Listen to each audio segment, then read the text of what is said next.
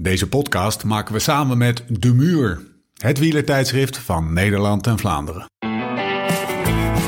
Was het niet Joop die zei: de fiets, de fiets en verder niets? Nou, wij gaan verder. Het leven op, maar vooral ook naast de fiets. Dit is de Live Slow, Ride Fast podcast. When love ain't winning, the mood starts swinging. The devil's grinning, he keeps on singing. Hearts get heavy and time's an enemy. Maashaven, Putselaan, Hillendijk, Paul Krugerstraat en via de Bloemfonteinstraat terug naar de Maashaven. 2,5 kilometer, 60 rondjes koers voor de profs. De wielerronde van Feyenoord. Een jaarlijks hoogtepunt in het vooroorlogse Rotterdam. Een evenement waar de stad massaal voor uitliep. Ook die dag, 1 september 1938. De Tubantia van de dag daarop spreekt over wel 200.000 toeschouwers. De foto's laten de plaatjes zien die horen bij vooroorlogse koers. Renners met bonkige lijven en goede koppen. Sterke, tanige kerels. Geen helmen, maar dik opgeknipt haar dat met behulp van hoornen kammetjes en een lading brilkriem in model is gebracht. Het publiek dat met bewonderende blikken de coureurs slaat. Tien rijen dik langs de kant, netjes op de stoep. In pak en das gehulde, slanke, gesoigneerde mannen, een enkele vrouw. En op de eerste rij kinderen met pofbroeken, Siske de petten en vooral grote verwachtingsvolle ogen. En op de achtergrond de stad die door het vernietigende bombardement anderhalf jaar later... iets dat ook deze dag als een onzichtbare donkere wolk boven de straten hangt... voor een groot deel vernietigd zou worden. Maakt het schouwspel er alleen maar opmerkelijker op. Na 150 kilometer koers bereiken slechts 39 van de 68 deelnemers het eind. Jan Gommers uit Dongen weet door een splijtende demarage uit de greep van kleppers als Middelkamp, Van der Ruit en de Korver te blijven. De Brabander komt na 3 uur 50 minuten onbedreigd als eerste over de meter. De menigte in extase. Daar aan de Maashaven. Pal voor de winkel van Willem Buiten Rijwielen. De beroemde wielerronde van Feyenoord, editie 4 die dag. De eerste editie was in 35 en trok direct veel publiek op Koninginnedag. Een traditie was geboren, tot eind jaren 70. Toen stonden er nog maar 15 renners aan de meet en was het mooi geweest. Terug naar nu. Als we de huidige wethouder de Lange mogen geloven, en dat doen we, brengt Rotterdam binnen twee jaar de Tour naar Rotterdam. Na het succes van 2010 begint het wielerhart van de Rotterdammer langzaam weer te kloppen. Tijd voor koers aan de Maas. Tijd om de ronde van Feyenoord nieuw leven in te blazen. Etappe 1 Tour de France 2023. Feyenoord, Feyenoord. En het parcours staat al 85 jaar vast. Maashaven, Putselaan, Hillendijk. Paul Krugerstraat, Bloemfonteinstraat, Maashaven. 2,5 kilometer, 60 rondjes koers. Voor de profs. Het is de hoogste tijd voor je welverdiende Porsche wielergebabbel. Mijn naam is Stefan Bolt en tegenover mij zit hij, Laurens Tendam. Hey, maar Lauw. ja, Goedemiddag. ik kreeg meteen visioenen van Rotterdam wielerstad voor me. Ja. met het intro, weet je. Ik bedoel, ik heb best wel vaak in Ahoy natuurlijk de Zesdaagse gekeken. Het NK heb ik hier gereden over de, over de Erasmusbrug. Maar toen die Tour startte hier in 2010 was het enige jaar in mijn carrière dat ik Ja. een Tour niet reed. Dat was echt een domper, want voor het eerst dat ik in Nederland kon starten. En voor mijn gevoel kwam er eigenlijk nooit meer een kans om in Nederland te starten. Gelukkig kwam Utrecht nog eh, een aantal jaren later. En ja, hieromheen natuurlijk heb je de criteriums in het Westland... waar je altijd eh, Ja. eh, euro's kon rapen, Ja. zeg maar. Ik bedoel, Westland, er was een goede om heen te gaan. Ja, nee, maar dat stelt echt bekend als... nou ja, alle tuinders, harde werkers, nogal wat zwart geld. De, de, de premies die... eh, ik heb wel eens in een peloton gezeten dat de renners uit zeuren waren... dat er minder premies waren. Dat was 10 keer 10 premies. Dan Oké. ook op zo'n rondje als in Feyenoord, weet je. 10 keer 10 premies en floppies. Maar ja, voor een koers van misschien 60 kilometer voor de nieuwelingen. Dan moest je 10 keer sprinten, weet je wel. Dat ging zo hard altijd, omdat er echt... eh, Nou, wij, wij hebben Dus, dus, eh, toen we hebben, ik denk twee jaar geleden hebben we een keer eh, hebben we bij kapitein gezeten en toen ging het over die Amsterdamse Ja, straat. de ronde van de Orteliusstraat. De Dappermar en al Ja. die, dat was echt een groot ding. En ik ging checken en die Rotterdam, die, die ronde van Feyenoord, 200.000 echt over mensen Rotterdam. aan... eh, Gigantisch. eromheen, Foto, ja. we gaan ze op de show notes zetten. Ja, Het is ja. echt, jongen. Het is gewoon alsof je op de set van Peaky Blinders loopt. Alsof iedereen daar gewoon de dag van tevoren naar de kapper was geweest. Geen, geen, geen corona toen, hè? Geen koep corona. Het was allemaal gesoigneerd. Ja, daarom 38. Dus, eh, nee, ja, Rotterdam, ik, eh, wat dat betreft, het is wel echt eh, ook een wielerstad in Nederland, vind Ja. ik. ik. Buiten dan eh, het Limburgse Valkenburg, dan hebben de Rotterdamers toch wel een streepje voor. Want Ja. met, met Ahoy vooral, met de Zesdaagse, die... Ja, dat, in Amsterdam hebben ze het ook geprobeerd voor een paar Ja. jaar. Maar Rotterdam is toch wel echt een klassieker onder de zesdaagse. En als je een zesdaagse gewoon in je stad hebt, nou, dan mag je jezelf wel wielerstad noemen, denk ik. Voordat wij het gaan hebben over waarom we in Rotterdam zitten. heb je nog een fiets vandaag? Ja, vier uurtjes. Nou, kleine vier uur. Ik heb het een kwartiertje eh, Oh, afgetopt. Ja, tegenwoordig kan ik korter en intensiever, heb ik gemerkt.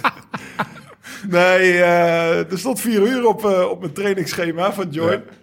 En eh, vier uur eh, duurtraining stond er. En eh, ik was natuurlijk met Nicky en Ivar. En dan zeg ik niet wat ik, wat ik ga doen of moet doen. Nee. Dus dan hoop ik eigenlijk dat Ivar rustig reed. Maar, ja. Maar op laatst had ik gewoon lege benen. Dus ben ik, ben ik afgedraaid naar huis. Ik zeg, ik moet een podcast opnemen.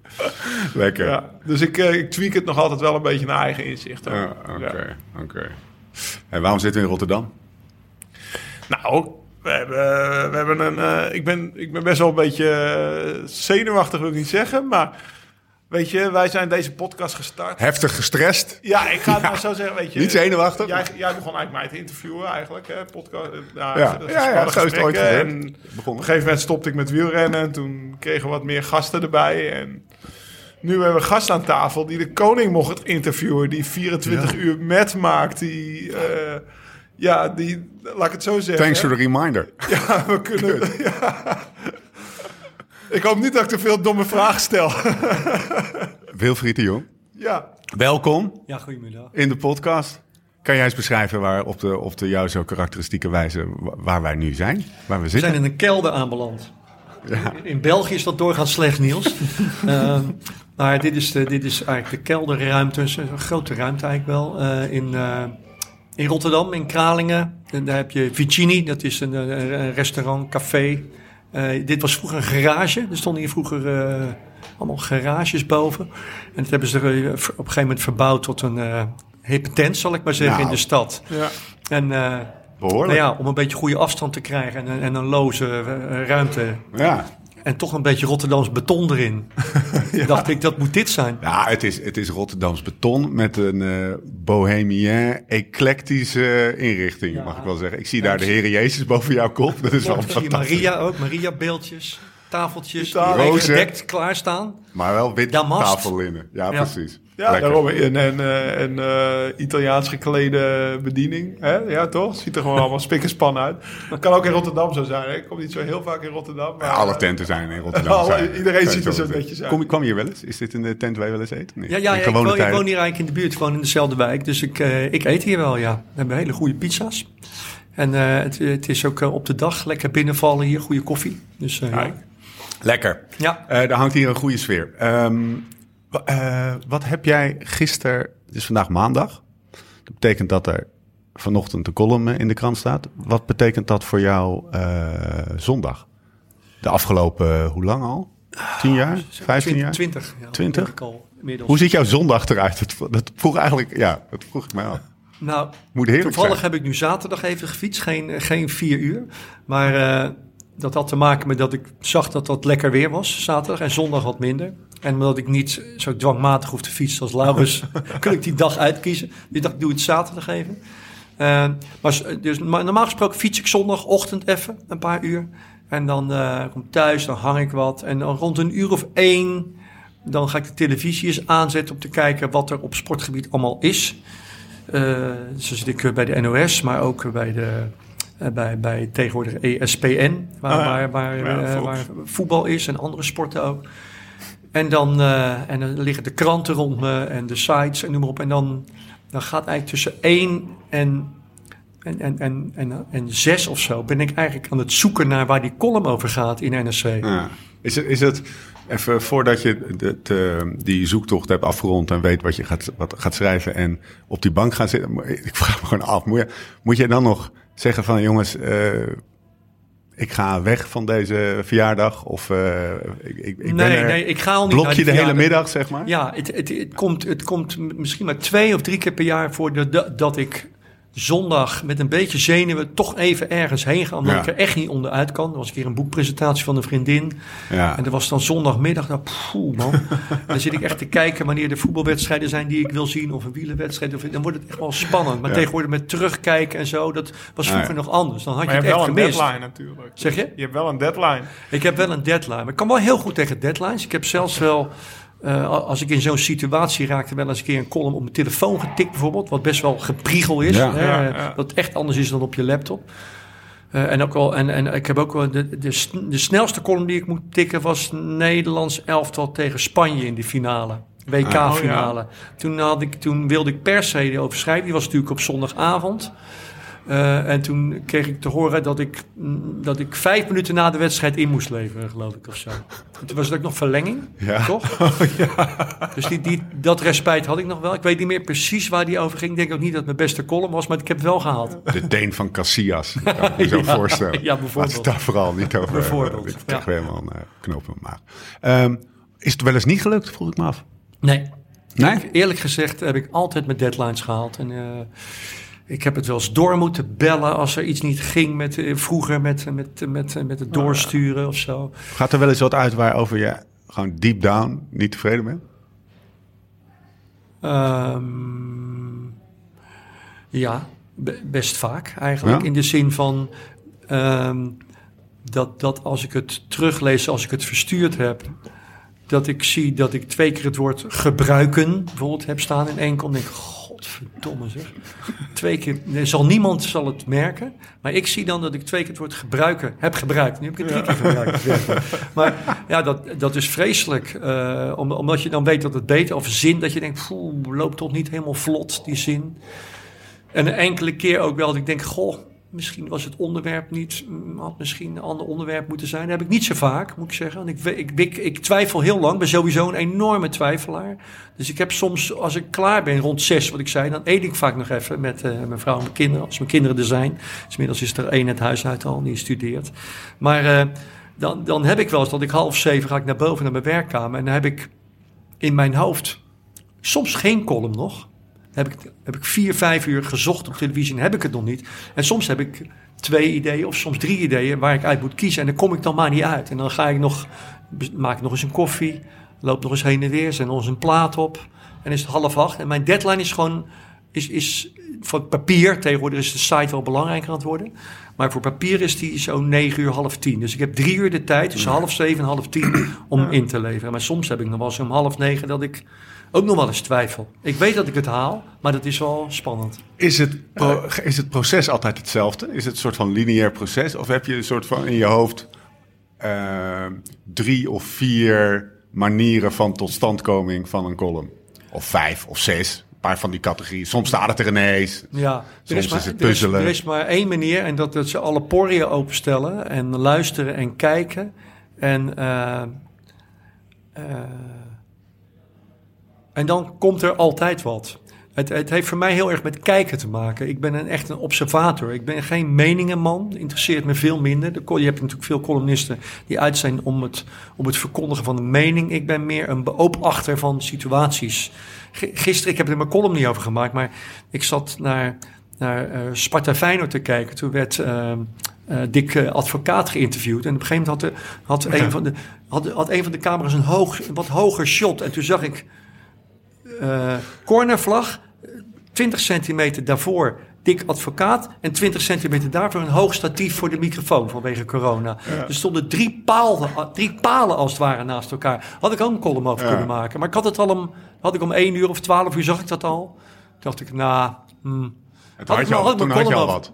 Zeg je? Toen had je al wat. Heb je al één? Heb je Ja, eigenlijk je al hebt nog nooit gedacht om één uur, oh, dit is het. Ik schrijf hem en om drie uur ben ik klaar, zeg maar. Enkele keer, enkele keer, maar meestal niet. Meestal denk ik, weet je wel, ik, ik, heb, ik heb wel eens gehad dat, dat ik met een column bezig was en, en dat, er dan, eh, dat er dan een beroemde wielrenner overlijdt. Weet je, denk, ja, Ja. daar moet ik wel wat mee, Ja. dan gooi je hem weg. Dus je houdt altijd, er is, er is een soort waakzaamheid tot, tot aan half tien bij wijze van spreken. Want daarna Ja. is die, moet Ja. die krant, papieren krant naar beneden, dan zakt die zoals dat heet en dan kan ik niks meer doen. Is dat lekker? Is, dat, is, is, Ja, de zondag een lekkere dag voor jou? Ik, vind, ik denk, denk dat een, een, een- een, een deel van het succes van mijn regelmatige gewicht daarmee te maken heeft.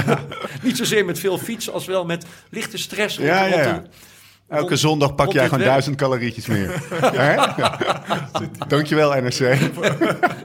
Ja, ik weet niet wat het is. Ik vind die waakzaamheid wel iets eh, plezierigs. eh. Ik vind het wel prachtig om te zien als ik daar bijvoorbeeld ook Wilfried Spoed lees. Hè, daar staan er een aantal in. En eh, het, wat mij het meest frappeert, eh, frappant is in dat boek... de column over Bonifacio. Een afdaling van Milan Sereno, van de Sabgressa naar beneden. De renner Bonifacio, ja. De renner, Bonifacio zit in de ploeg bij Nicky Terpstra, weet Ja. je wel. Die rijdt daar dan een afdaling naar beneden. Ja, hij komt beneden op de Via Roma. Ja, waar ga je heen rijden, weet je wel. Maar die afdaling die is zo mooi. Echt gewoon ultiem goed. En ik weet ook niet eens meer wie die Sanremo... Of ik zou echt moeten nadenken wie die Sanremo heeft gewonnen... Als, toen ik dat boek las. Hè, Ja. Van dat jaar, welk jaar was het? Maar die afdaling weet ik nog Ja. wel precies. Dat ik voor de tv zat. En, dacht, van- en dat vind ik zo mooi dat dan daar... Volgens mij wel alle verliep. Maar dat weet ik niet helemaal zeker. Maar die afdaling... Ik zou altijd herinneren dat die jongen van Direct Energy toen... Ja, zo... nou, dat is zo precies En dat dat is een goed precies- voorbeeld. Dat is nou precies zoals het gaat. Ik zit te kijken en ik, ik moet niet een verslag schrijven van die wedstrijd. Dat doet iemand anders al. Bovendien is er al live verslag op televisie. Dan weten mensen al lang. die- je ziet bij kranten ook wel de verandering dat ze steeds minder wedstrijdverslag leveren. Maar proberen ze iets origineels te maken of een interview te doen of zo.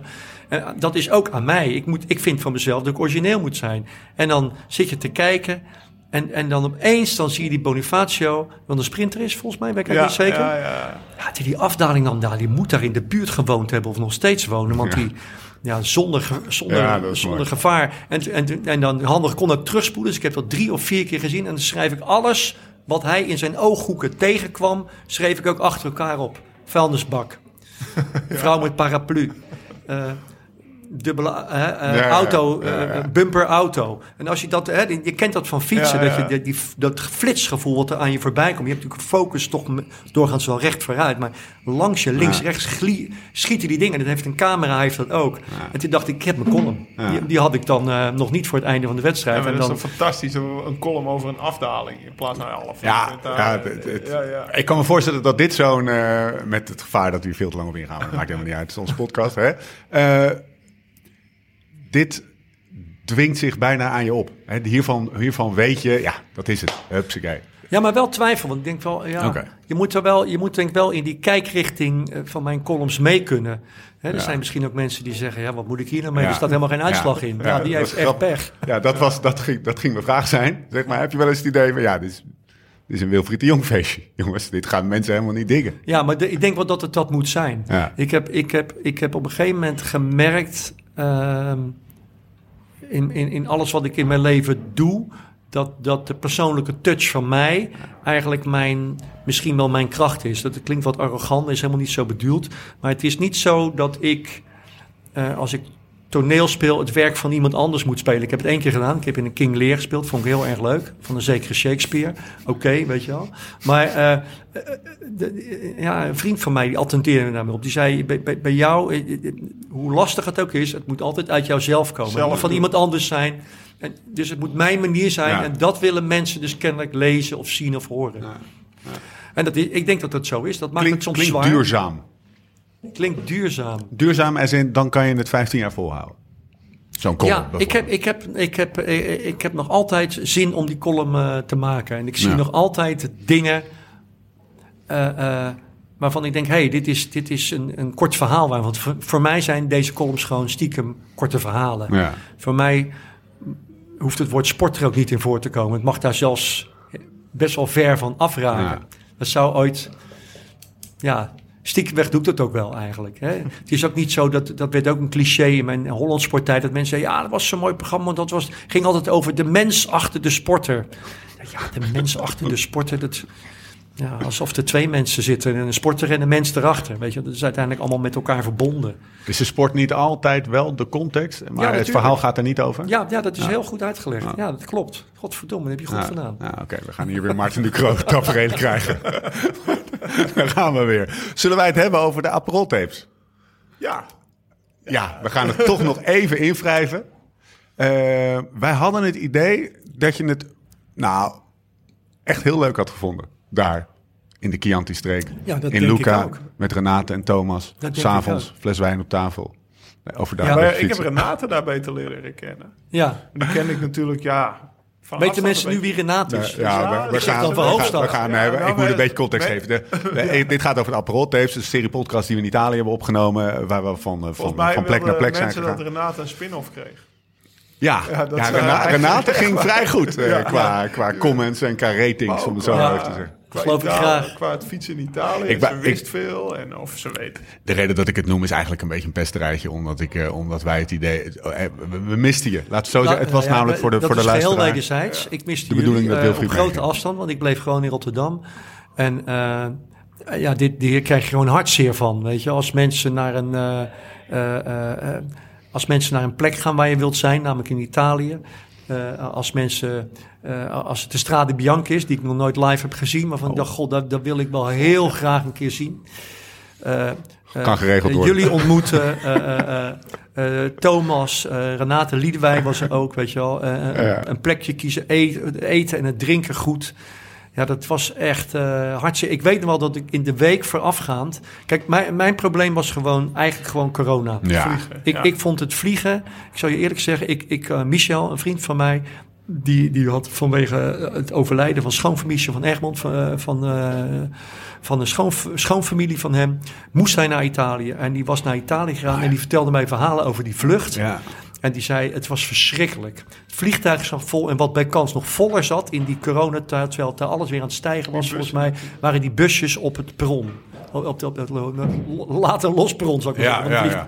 Hij zegt, het was verschrikkelijk. Het was gewoon... Ik Normaal echt- verschrikkelijk, maar ja, nu precies. helemaal. En ik ken die sfeer. Normaal vind ik het wel leuk. Nou ja, ik vind het toch ook wel leuk, dat gedouw in die busjes. Maakt mij dat allemaal uit. Onder die behaarde Maar- klotsende oksel van de oude dame. Weet je wel, hij, hij, hij maakte zich echt zorgen eh, daarover. En, en toen dacht ik, ja, moet ik dat nu doen? En toen dacht hij, nou, heb ik daar op een gegeven moment pijn en moeite Ja, besluit genomen. Ik vlieg niet. En Renate heeft ook enorm getwijfeld, Ja. weet ik. Want die heeft ook jonge kinderen en zo.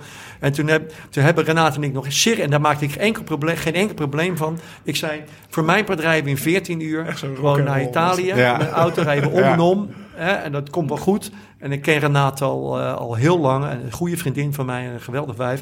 En die wilde dat ook wel. Maar ik geloof dat die man jaloers werd. maar nee, maar die werd niet jaloers. Want die ken ik trouwens ook. Die oude kerel. die schoenenontwerper. Die, schoen, die, die legendarische schoenenontwerper. Die zag het niet zitten dat dat met zijn auto gebeurde. Dat was het volgens mij. Don't touch the vehicle. En mijn auto was ook niet zo bedrijfszeker. Daar, uiteindelijk ging het stuk op dat hij dat heen en weer... Ja. En het was ook al een soort gekke werk Ja. geweest... om voor twee dagen heen en weer te rijden. 14 Ja. uur heen, 14 uur terug. Maar zover ben ik wel gegaan in mijn hoofd. Wij zijn, eh, ja. Aperol Tapes 2 zijn geboren. Maar Renate, die, eh, Ja. die is eigenlijk altijd redactrice geweest van, van Holland Sport. Ja. En ook later nog wel veel met jou samengewerkt, denk ik. En haar eh, wielerkennis over Italië en Ja, dat is Bartoli fijn. Coppi, Ja, Giardengo, dat is ongeëvenaard. Ja. Fantastisch. Ja, en de Dus manier je waarop mee- ja. Ik heb haar best wel... eh, ze zat ook in Sportpaleis de Jonge. Toen ken ik haar. Dat was nog de voorganger, Nog zeg maar. voor De opgenomen Ja. voorganger van Hollandsport. Toen... Ik geloof dat ik nog een beetje de hand in had. Dat ik zei van, joh, als jij, eh, als jij zo nodig iets... eh, Ze was mee geweest naar Italië een keer of zo, denk ik. Ik zei, kom op man, je durft dit. En eh, toen sprak ze nog helemaal geen Italiaans. En toen, die heeft echt een stoute schoen aan. Die heeft echt gedurfd, hè. Gewoon Ja. om daar te gaan leren. En daar eh, leerde vervolgens haar man kennen en zo.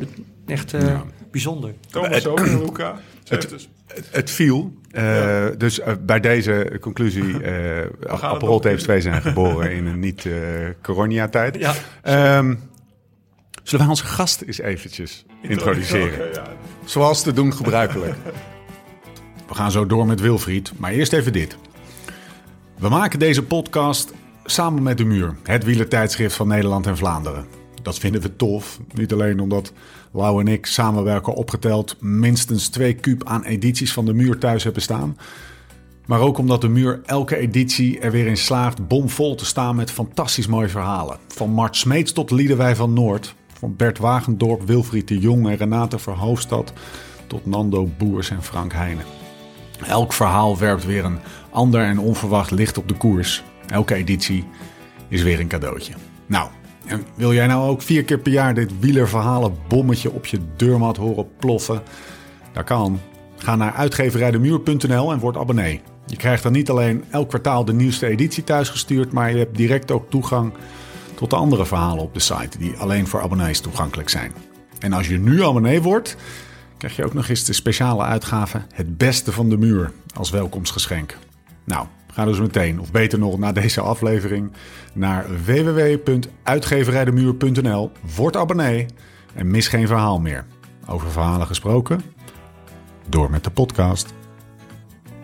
Eh, maar misschien kan jij eerst even vertellen wat we op tafel hebben staan. Lau, flesje wijn. Eh, flesje wijn uit, eh, het is een Barbera Dusty van het restaurant. Dat was het favorietje. Je had stiekem een broodje meegenomen. ik had Barolo maar mee, maar die, die mag wel We voelden ons licht bezwaard. Je hebben nou een Wilfried Dus, gegeven. eh, ja, ja. Dus, Maar, eh, Wilfried, ken hem niet. stevig wijntje. Fijn. Het Probeer het goede, het goede van zo'n restaurant Hij is een natuurlijk- beetje fris, maar dat is Ja, niet erg. Waarschijnlijk als je hem Vivino Nou ja, vind je hem niet. Ja. Zijn Ja. jullie heel Weet erg je, van dat wijn dus- op temperatuur moet zijn, of niet? Eh, zolang witte wijn maar koud is, vind ik... Ja, en, witte wijn koud- dat is wel een voorwaarde. Ja, dat is wel Je hebt best wel veel wijnen, eh, rode wijnen, die ook wel soms Niet wel gedronken. In Kroatië is het heel erg. eh, Ja? dus krijg je gewoon. eh, ik heb wel eens mijn rode wijn in een, eh, in een bak met. eh, eh, nou, niet alleen maar ijsklontjes, maar wel eh, in een bak water waar ijsklontjes in zaten. Oké. Eh, niet te hakken trouwens. Oké. Eh, Wilfried de Jong, Rotterdam, 30 september 59. Werd bekend door zijn samenwerking. 1957. Ja, dan zeg je Wikipedia. Serieus? Staat er 50? Dus, nee, 59. Ik heb, Oh, 59. Ik, weet- ik Oh, weet zeker, want ik heb Nee, gecopy-paste. 57. Oké, jongen. Wikipedia verbeteren. Wilfried de Jong, Rotterdam. Der- nou, dat is dus even grappig. Nee, Wikipedia zegt dus wat anders. Dus de Oh, vraag is eventjes nu. dus heeft. Heb je paspoort? Rotterdam, 30 september 57. Werd bekend door zijn samenwerking met Martin van Waardenberg. En het theaterduo Waardenberg en de Jong ging daarna tv maken. Eerst voor het zojuist genoemde Sportpaleis de Jong... later samen met Matthijs van Nieuwkerk Holland Sport. Presenteerde natuurlijk 24 uur met en zomergasten. Is elke dinsdagavond te horen als presentator van Met het oog op morgen. Naast presentator ook schrijvert van boeken. De linkerbeeld van Bettini. Schrijft een wekelijkse column in het NRC. Daar hadden we het net al even over. Voor Hard Gras. Tijdschrift over het voetbal. Leukste gezelschapsspelletje dat er is na Twister en Jatzee. In 2009 verscheen De Man en zijn fiets. Bundel wielerverhalen. In 2020 verscheen De Man en zijn wielerverhalen. Homo universalis van de hoogste orde. Koersliefhebber bij uitstek. Wilfried de Jong, welkom in de podcast. Bij deze is eh, al het ceremonieel ligt achter ons. We kunnen nu gewoon onszelf zijn. Kunnen we weer door? Ehm, wat is het verschil tussen voetbal en wielrennen? En dan niet even de obvious van de spelregels, en, maar het gewoon als schrijver. Laat ik het even Je zo. bent ook voetbal, voetballiefhebber. Ja, absoluut. Ja, ja. Als schrijver dan. Ehm,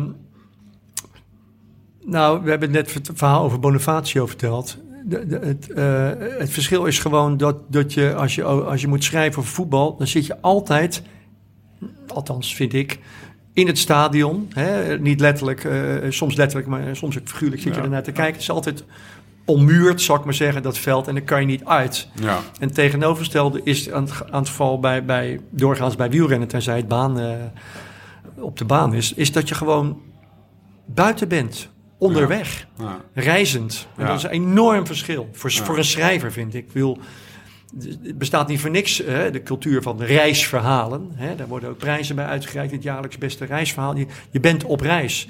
En bij voetbal ben je eigenlijk niet op reis. Nee. Je hebt meer vrijheid. Je hebt vrijheid en je hebt, niet... je hebt de wereld om je heen en die wereld speelt ook een rol. Het asfalt, het steentje, het gaatje, eh, de bocht, de natuur, Ja. eh, eh, eh, eh, Hij het is heel plat, plat gezegd, van een voetbalwedstrijd kan je over, even gewoon in theorie zeg maar, op 100 manieren wat schrijven. En van, bij wielrennen op 100.000 manieren. Ja, ja, dat, dat, dat- ja.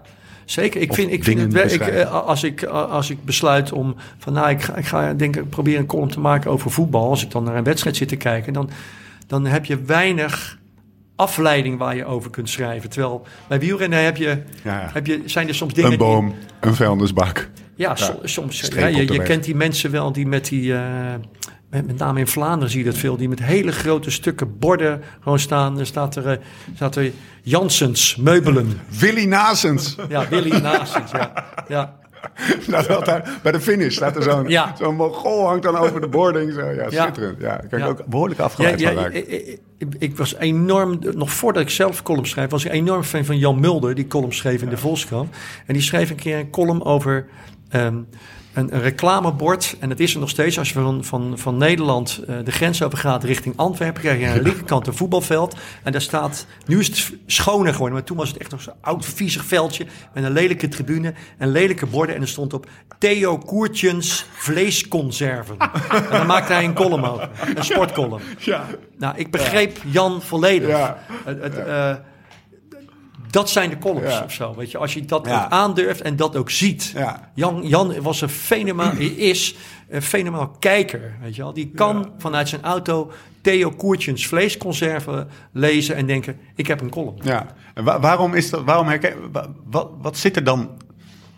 kijken wat, wat ik nou...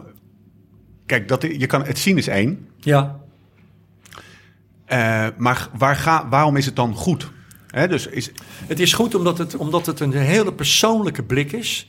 Die, die zo uit iemands hersenpan komt. Die kan niet uit, die kan niet uit boeken komen. Die, die, die is gevoed door wie je zelf bent en hoe je kijkt naar het leven. Dat is ook weer persoonlijk gevormd. Terwijl als je zegt, ik maak een. eh, eh, ik, ik- ik ga eens even schrijven hoe. eh, hoe eh, Tom Dumoulin dit jaar gefietst heeft. Dat doen wel meer wielerverslaggevers. Of hoe Erik ten Hag Ajax traint. Daar staan ook stukken van vol in bladen. Maar het is een soort uniek, dat Ja. is het. het is or- ik, ik, ben, ik, ik, ben tegen wil en dank soms, maar ik ben op de wereld denk gezet om, om proberen zo origineel mogelijk te zijn. Althans, dat vind ik zelf.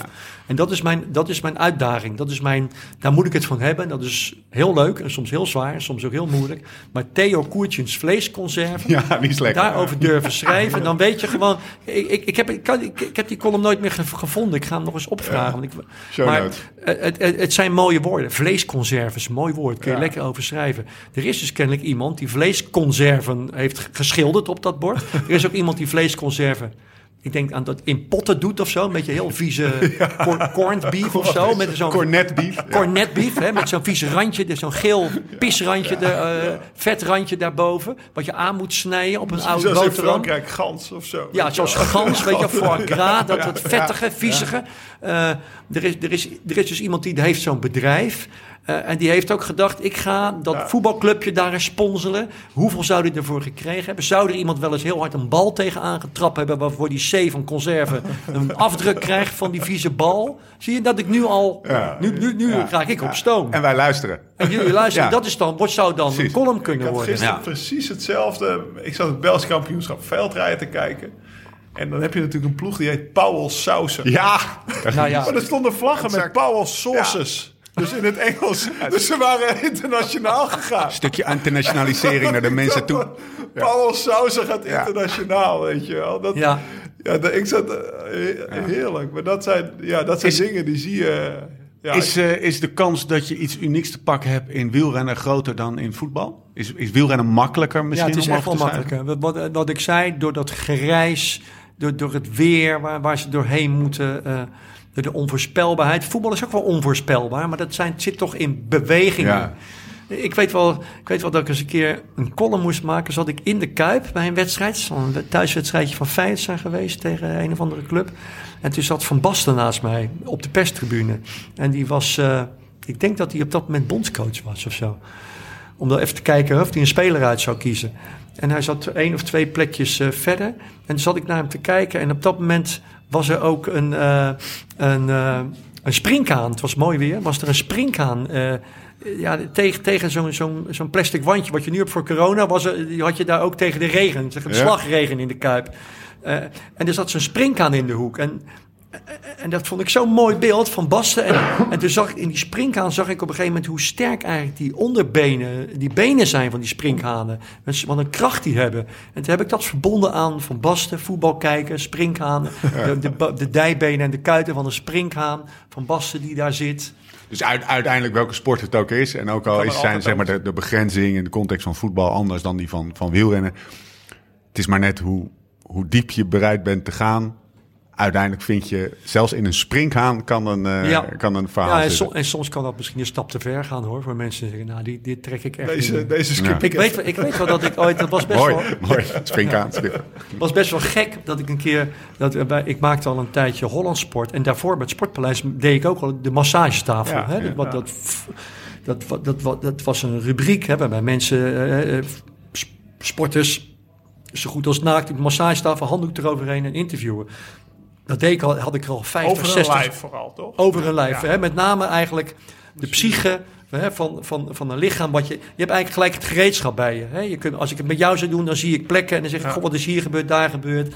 En hoe verhoudt zich dat tot je geest? En lichaam en geest Ik is herinner eigenlijk me heel veel van die knoesten die erop. Van die Ja. Wim van Hij, is, hij zou wel een goede of die. Jij zou, jij zou een goede Ja, zou- Van Wim van Nest, overigens, nu je er toch over begint. Wim van Nest, die, ik kleedde mij, dat, toen namen we hem nog op in de Kuip. In de kleedkamer van de Kuip stond daar die. Toen was Oh ja. Wim van Nest de gast, oud wielrenner. En vanuit Sint-Willebroord, denk ik, Ja, hè? ja. Uit die hoek. Zeker. En, eh, En die kwam aan en ik kleedde mij... Ik ging altijd... Die mensen moesten zich uitkleden tot hun onderbroek... en dan gingen ze in een handdoekje liggen.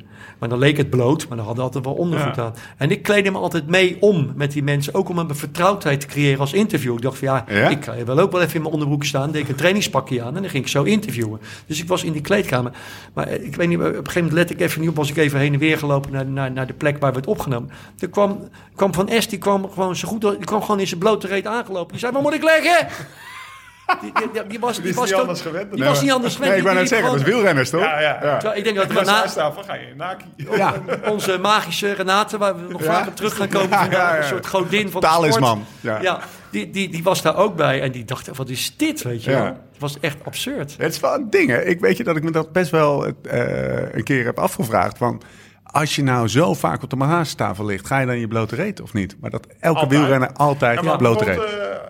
Eh, maar meteen de, brug- de code geel, du Dumoulin, Ja. die ligt toch de hele Ja. tijd, die ligt daar gewoon in zijn naki. Die wordt Ja. gewoon gefilmd. En, Ja. eh, Maar daar, is- daar is, ik weet, ja, daar kunnen we het ook nog over hebben over code geel, maar daar, Ja, daar gaan we het zeker daar- over hebben. Daar staat in, het contract, in, in, in het contract gemaakt tussen de maker en, eh, en, Ja. eh, en de ploeg, staan, er is, een, is, een, zijn, is een lijstje gemaakt van dingen die wel aan do's en don'ts. En één daarvan is, je mag nooit een renner filmen als die naakt is, tenzij hij daar zelf toestemming voor geeft. ja, ja, dus ze vragen van tevoren op dat moment aan Tom van, Ja. eh, Ja, of, is het oké als we filmen? ja, of En, is het oké ja, als het uitzenden? ja. Oké. Ja, maar ik, ik, was, ik raakte enigszins... Oh ja, maar ik wou, ik wou dus zeggen op die massagetafel... Over, over dat je soms misschien te ver door kunt gaan in je fantasieën. Dat, ik vond dat heel helderlijk, die massagetafel, als televisie-idee. Hè? Maar ik kwam een keer een man naar mij toe, die zei... eh, jij bent toch van die massagetafel, van die sporten? Waar is dat voor? En ik kon die man gewoon niet uitleggen. Die man begreep niet wat het was. Die zag op tv steeds een man of een vrouw liggen met een handdoekje om en een interview. En die begreep daar helemaal niets van. Ja, die kon ik Ja. ook echt niet meer uitleggen. Kan je het voorstellen? Dat, dat die... Jawel, maar dat, dat heeft dus te maken met, de met dat, je, dat ik het. Dat ik, ik ben niet vies van abstractie. Ik hou wel van dat je dingen een beetje abstraheert. Vind ik spannend. Ik hou ook van. Ik heb ook liever moderne kunst dan oude kunst. Dus ik vind Ja. het iets abstracter maken van de sport eigenlijk wel mooi. Jazzliefhebber. Ja. Ook. Ja, dat zit daar. Nou, klopt. Die- Weet je, ik heb liever geen mensen die zingen. Ik heb liever iemand die saxofoon speelt. Dus ook een, een abstractie Ja. eigenlijk van je stem. Ah. Vind ik mooi. Ja, het hoeft niet allemaal benoemd te worden. Nee, Bedoel? Nee. hoeft niet allemaal uitgelegd te worden. Nee. Is het daarmee per definitie ehm, voor een, een, een smaller publiek wat jij maakt of doet? Nou, niet, niet per definitie van mij. Ik, ik vind televisie bijvoorbeeld, hè, of krant, dat zijn, dat zijn dat is een massamedium eigenlijk. Hè. Maar- Ja, maar het is niet voor niets dat je bij de VPRO zit. denk Nee, klopt. Dat is wel iets Nee, wat, klopt. eh, En en, ik- de NRC is ook een krant die zeg maar eerder die columns pu- publiceert van Wilfried, denk ik, dan, dan de Telegraaf. Misschien, ja, dat weet ik niet, maar dat zou kunnen. Maar, maar dit- ja, eh, ehm, het is wel vrij, vrij specifiek werk, zal ik Ja. maar zeggen. Hè. Ik Ja. bedoel, jullie willen hier eh, per se iets van eh Asti hebben Ja. staan als wijn. Ja. Dat, je, kan ook gewoon een pijpje Heineken zijn. Ja, je hebt, ja, ja, zo je moeilijk, man. een pijpje Heineken aan de overkant gehaald bij de Spar. Nee. Zie Nee. Er wel vooraan. Ja, ja. Brouwersbier. Ken je dat nog? Oh Alleen ja, dat was is slecht bier. zeg. Ja, dat was niet te hakken. Nee, daar kon je echt beter je auto mee schoonmaken. Denk ik. Eh, het woord is gevallen. De, de combinatie van woorden. Code, geel. Eh, wij hebben het er in de eindejaarspodcast met Thomas eh, uitgebreid. eh, Thomas zat er toen bij eh, over gehad. Die was. eh, eh, nou, ik denk dat we de, de documentaire in zijn heelheid en eh, goed overwogen besproken hebben. Maar Thomas die zei, die, had, die was er best wel uitgesproken over. Die zei, nou, ik vond het niet altijd even, even professioneel eh, overkomen. Van wie niet? Van de makers? Van, nee, van de, van de, En dit was meer inhoudelijk over, de ploegleiding. gehad, ja, maar En over de ploeg zelf, Ja, ja, zeg maar. ja, ja. Maar ik vroeg me af, hoe, ehm, hoe heb jij er naar zitten kijken? Nou, eigenlijk, eigenlijk eh, we hebben het net over columns gehad in NRC. Ik, het, het was, het was een beetje een de luwe tijd. In de zin, er was niet zoveel die, Ja. in dat weekend. Ik dacht, hé hey man, code geel komt aan. Ik denk, nou, daar heb ik eigenlijk wel... Popcorn Eh, kopen. Heb ik ook wel, eh daar ga ik nog gewoon naar kijken. Ik laat erop aankomen. Het was volgens mij pas om zeven uur of half acht afgelopen. En dan ram ik er in die column uit. Gewoon wild. Ja, en, daar eh, gaat het over gaan. Ja. Ja, hè, en ik zat ook in die drive. Gek genoeg had, had, die, had, die, had Code Geel ook die drive van de, hè, van de wedstrijd, van de Tour. En dan moest ik daarna, liep ik naar boven, was half acht, prrrt, de column klaar, paf, weet je. En als je die column kan je gewoon terugvinden. Ja. En ik, ik, ik was best enthousiast eigenlijk. Ik vond het wel, eh, ik was weer terug in die Tour. En ik zag eh, de, de hitte van die, eh, van, die, van die wedstrijd wel. En, eh, en ik... ja, ik vond het ook heel fijn. Ik, ik vond het ook heel fijn dat eh Roglic niet won. Dat, daar had ik gewoon, had ik gewoon Ja, ja, ja. enorm naar mijn zin. Want ik vond die tour, in tegenstelling tot veel mensen, helemaal niet zo'n leuke tour. Nou, hij was hartstikke saai. Totdat hij... Die laatste dag. Tot de zaterdag, toch? Die maand, ja, maar dan heb je dus over twintig dagen dat je het saai hebt en Ja. één dag niet. Ja. Als je dat op je vakantie afspreekt, dan ga je niet. Ja, ik, weet je, als ik dit nu al weet, dan blijf ik thuis. Ik kon de laatste dag wel Maar, mop. maar die, die laatste dag die tilde het wel van een 6 naar een 9 Ja. voor mij. Want Ja, wij, wij hebben het er Nee, twee weken over dat gehad. klopt. Nog daarna op trainen dat klopt. van... eh, Dus, eh, dus ja. Oké, eh, dus het bracht je weer eh, terug in, eh, ja, laten we even voor gemakshalve zeggen juli. Het was niet in juli, Ja. maar de is in juli. Dus. Maar ja, kijk, ja, ik, bedoel, ik, eh, eh, ehm, ik ga er ook niet geheimzinnig over doen. Ik, ik, eh, ehm, ehm, het, het, het team, zou ik maar zeggen, van Holland Sport, hè, dus Rob Rotsemans, Renate Verhoofdstad en ik, waren eigenlijk in, indirect de VPRO. We hebben namelijk dat er een lijntje lag tussen eh, iemand van eh, Jumbo en de VPRO. Die kenden elkaar Ja. toevallig vanuit de jeugd of zo, geloof ik. Die had gebeld van, goh, willen jullie die docu niet maken? Wel in coronatijd met alle beperkingen van dien. Dus ik heb een tijdje, ik heb zelf nooit aan tafel gezeten, maar ik heb wel de met, met running, Renate ja. gezeten. En, en, en toen is er ook een onderhandeling is er begonnen, zeg maar, eh, met de mensen van de VPRO, omdat dat wij dat zouden gaan doen. Ondertussen waren wij bezig met plannen daarover te vormen. Ik was nog niet zo van overtuigd of dat wel voor mij persoonlijk als maker wel een plezierige Maar jij... eh, ja, docu zou worden. Omdat, Even, even perspectief. Het Ja. ging eigenlijk om tussen de NOS of de VPRO. Wie nou, aanvankelijk niet. Oké. VPRO, eh, de VPRO Het was de VPRO eerste, of VPRO? Ja, het was VPRO was de eerste gesprekspartner. Oké. Ehm, en, en, dat, en, en het gesprek eh, ging eigenlijk niet zozeer, alleen, niet zozeer over de inhoud. Want daar was heel duidelijk van, ik heb Richard Pluggen nog aan de lijn gehad, van dat je daar als, als maker niet bij kon komen bij die ploeg. Want die zaten in de bubbel, Ja, ja. zoals dat heet. Moest Ze een vaste de- cameraman Thijs, die ik ook kende trouwens, een goede cameraman. eh, die de beelden zou maken, daar mocht je gebruik van maken, exclusief. En voor de rest moet je het zelf maar uitzoeken met je eigen ploegje. Maar je mocht Ja. niet, en misschien mocht je één of twee keer iemand interviewen, maar je mocht er niet elke dag bij zijn en zo. Ja, ja. restricties waren er. Dus, dat, dus ik zat er al over te twijfelen of dat voor mij, als, zoals ik dingen maak, handig zou zijn. Ik dacht eigenlijk van niet. Ik dacht van, Je kon niet even met de Roglic naar de plaatselijke barbershop om eventjes eh, met een radiootje op de achtergrond een beetje Nee, te hè? nee. Dat, dat ik kon even de verwijzing Ja. naar een ander, ander filmpje van mij. Maar nee, dat, dat kon niet. Ik twijfelde al en Renate ook. En Rob, Rob, Rob is ook een eigenwijze cameraman. Die zei, ja, we hebben wel die mogelijkheid van die beelden van die cameraman. Maar ik denk dat ik daar, als ik, als ik dit zou doen, zou ik er denk heel weinig gebruik van maken, zei hij. Want ik zou gewoon mijn eigen werk gaan maken. En dan, Buiten de ploeg. dus wij buiten zouden, ja, wij zouden buiten de bubbel. En wij zijn, wij waren, kijk, ik hou heel erg van hardcore sport. En dat was dit ook. En in die opzicht vond ik het een hele goede documentaire. Want je zat er bovenop. Eh, maar, maar, maar ons clubje zit, eh, eh, hangt een beetje aan die zijkant, weet je wel. We richten de camera heel specifiek op andere dingen. Renate zei zelfs, ja, meer op eigen petite histoires. eh, misschien wel op de romantiek van de dingen. Misschien wel meer op corona. Bij wijze van spreken, je gaat in een dorp zitten, dan komt die tour één keer langs. En daar maak je dan een soort verhaal van de dag van. Dat mensen daar in coronatijd. En Misschien daar hang je de hele tour... Of de, ga je de hele dag ga je bij drie eh, jengelende kinderen zitten die het huis niet uit mogen vanwege corona. En met hun neus tegen de ruiten zitten als daar, de, als daar de kopgroep voorbij komt. Nou, en zo zouden wij dat dan doen. Ja. En, eh, Dus het was wel, het was wel echt... dus, dus, dus ik twijfelde anders. al. anders Ja, het was heel anders geworden. En ik twijfelde al eh, daarover. Maar de, de VPRO kwam er, al, kwam er helemaal niet uit. Want er moest gewoon eh, geld betaald worden voor die kamerman die daar in dienst was. Ja. En hij zei, ja, als jullie dan gebruik gaan maken van die beelden, zei Jumbo, dan willen we daar ook geld voor zien.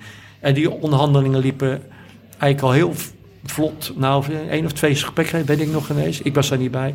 Spaak gelopen op dat bedrag. En de VPRO vond het ook onhandig. Zei, ja, waar raken we nu in dat wij geld moeten gaan betalen voor een kamerman die niet, niet onze kamerman dus, is. ja. Dus die zijn daar ook op afgehaakt. In principe Ja, heeft maar- Jumbo hun beelden verkocht. Ja, Ja, terwijl het ook aan de NOS. Mijn, en, aan- mijn- bij de NOS heeft, Ja. dat, eh, heeft dat wel besloten Ja. om te doen. ja. Dat is een interessante, journalistiek nog een interessante discussie. Zeker, maar ook vanuit, eh, ik denk even vanuit Jumbo-Visma. Het is wel, eh, volgens mij is een van de inzichten die zij hebben en wat meerdere ploegen de laatste tijd hebben, is dat dat het eh, een wielerploeg is een bom met allemaal verhalen. En die verhalen moeten verteld worden. En in de, de kwaliteit van die verhalen vertaalt zich de, de waarde van een wiel, de, Ja. zeg maar de, de, Ja. Ja, maar dan ga ik nog even iets, iets eh, zoom ik nog even uit als Ja. het om deze docu gaat. Er zijn natuurlijk eh, Kees Jonkind, die, die, het echt goed gedaan heeft, hè, trouwens. Die heeft nog wel eens een keer zo'n docu gemaakt. Was dat in jouw Ja, tour? eh, de Tour van Bouw. Bouw en Lauw, zou ik Tour maar van zeggen. Bouw heet het. Ja. Maar dat, eh, ja, heet hij, heet, heet hij niet... Was, was heet hij de Tour van Bouw? Tour van Bouw, Maar die was ook gemaakt met heel veel eh, cameraatjes in, Ja. bij ploegleiders Ja. en zo. Hè. In die periode ontstond eigenlijk ook vanwege die doop-toestanden... ontstond het verhaal van... het wielrennen moet de deur opengooien. ja, laat alles maar zien. Laat alles maar zien. En, Ja. en ik heb liever een dichte deur.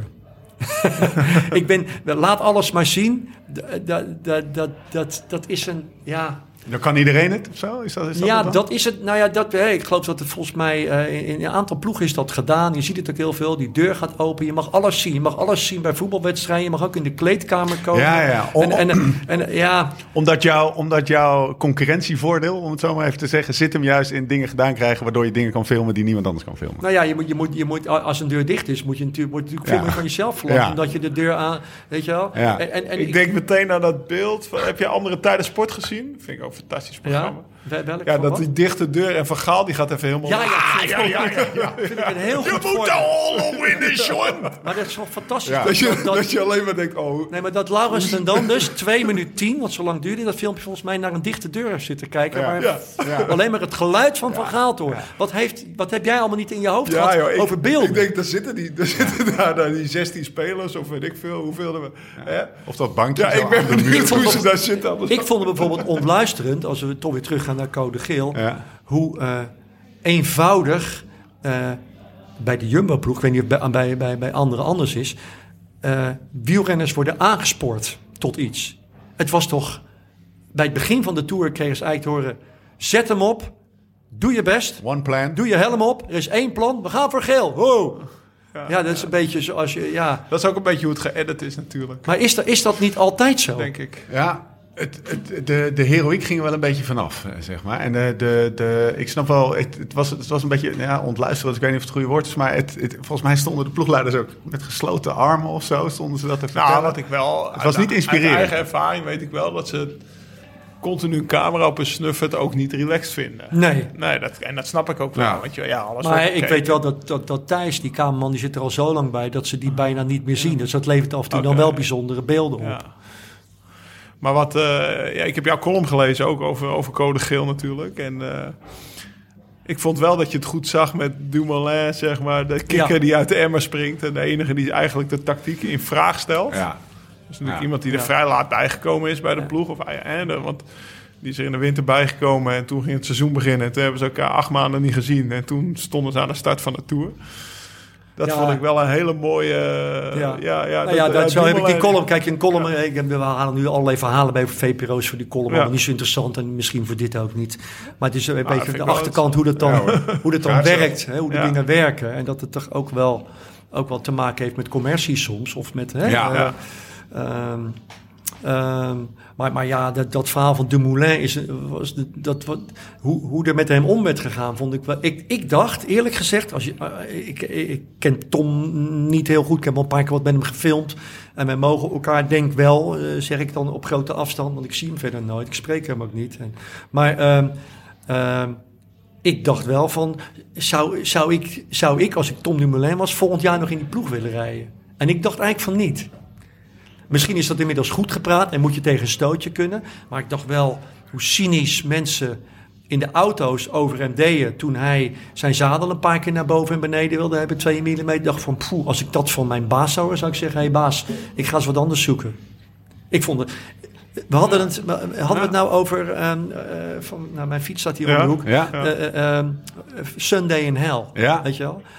Daar, De De daar, eh over Parijs-Roubaix. Precies, eind jaren 70. 1976. eh, de- eh, 76. in jaren, begin jaren 70 al, hè? Ja, Ja. zes- van een Deense Jurgen Ik heb hem ongeveer Ja. integraal. Ja, daar in zitten altijd gezet. grote jongens bij. hè. Mijn Ja. grote held Francesco Moser rijdt Ja. mee, de Vlaming en de echt, Merckx. echt en Merckx. En ik, ik kom erop omdat Merckx daar ook, heeft er een heel verhaal Ja. over manisch die Tot millimeters, de hele tijd maar zadeltje millimeter omhoog, millimeter naar beneden. Dus de grote merks, waarvan iedereen zegt van, ah, hè, de, de wielergod van de wereld, zou ik maar zeggen, die is ook met millimeters in de weer. Waarom zou Tom Dumoulin elke tour-etappe niet zeven keer zijn mechanicien mogen roepen om zijn, om zijn zadel een millimeter of hoger of lager te zitten. Als dat voor hem van belang is, Ja. moet jij daar dienend in zijn en niet een zagrijnig worden. Ja. Hij is wel heel erg aan het zeiken, zeg, over zijn Ja. Nee, eh, eh, het- ik heb ook wel eens een keer, ik ben echt een lul van de fietsen natuurlijk, maar ik heb ook wel eens een keer mijn, last van mijn, van, mijn, van mijn knie gekregen. Zadel, zei iemand, die stond net iets te hoog, zadel 2 mm,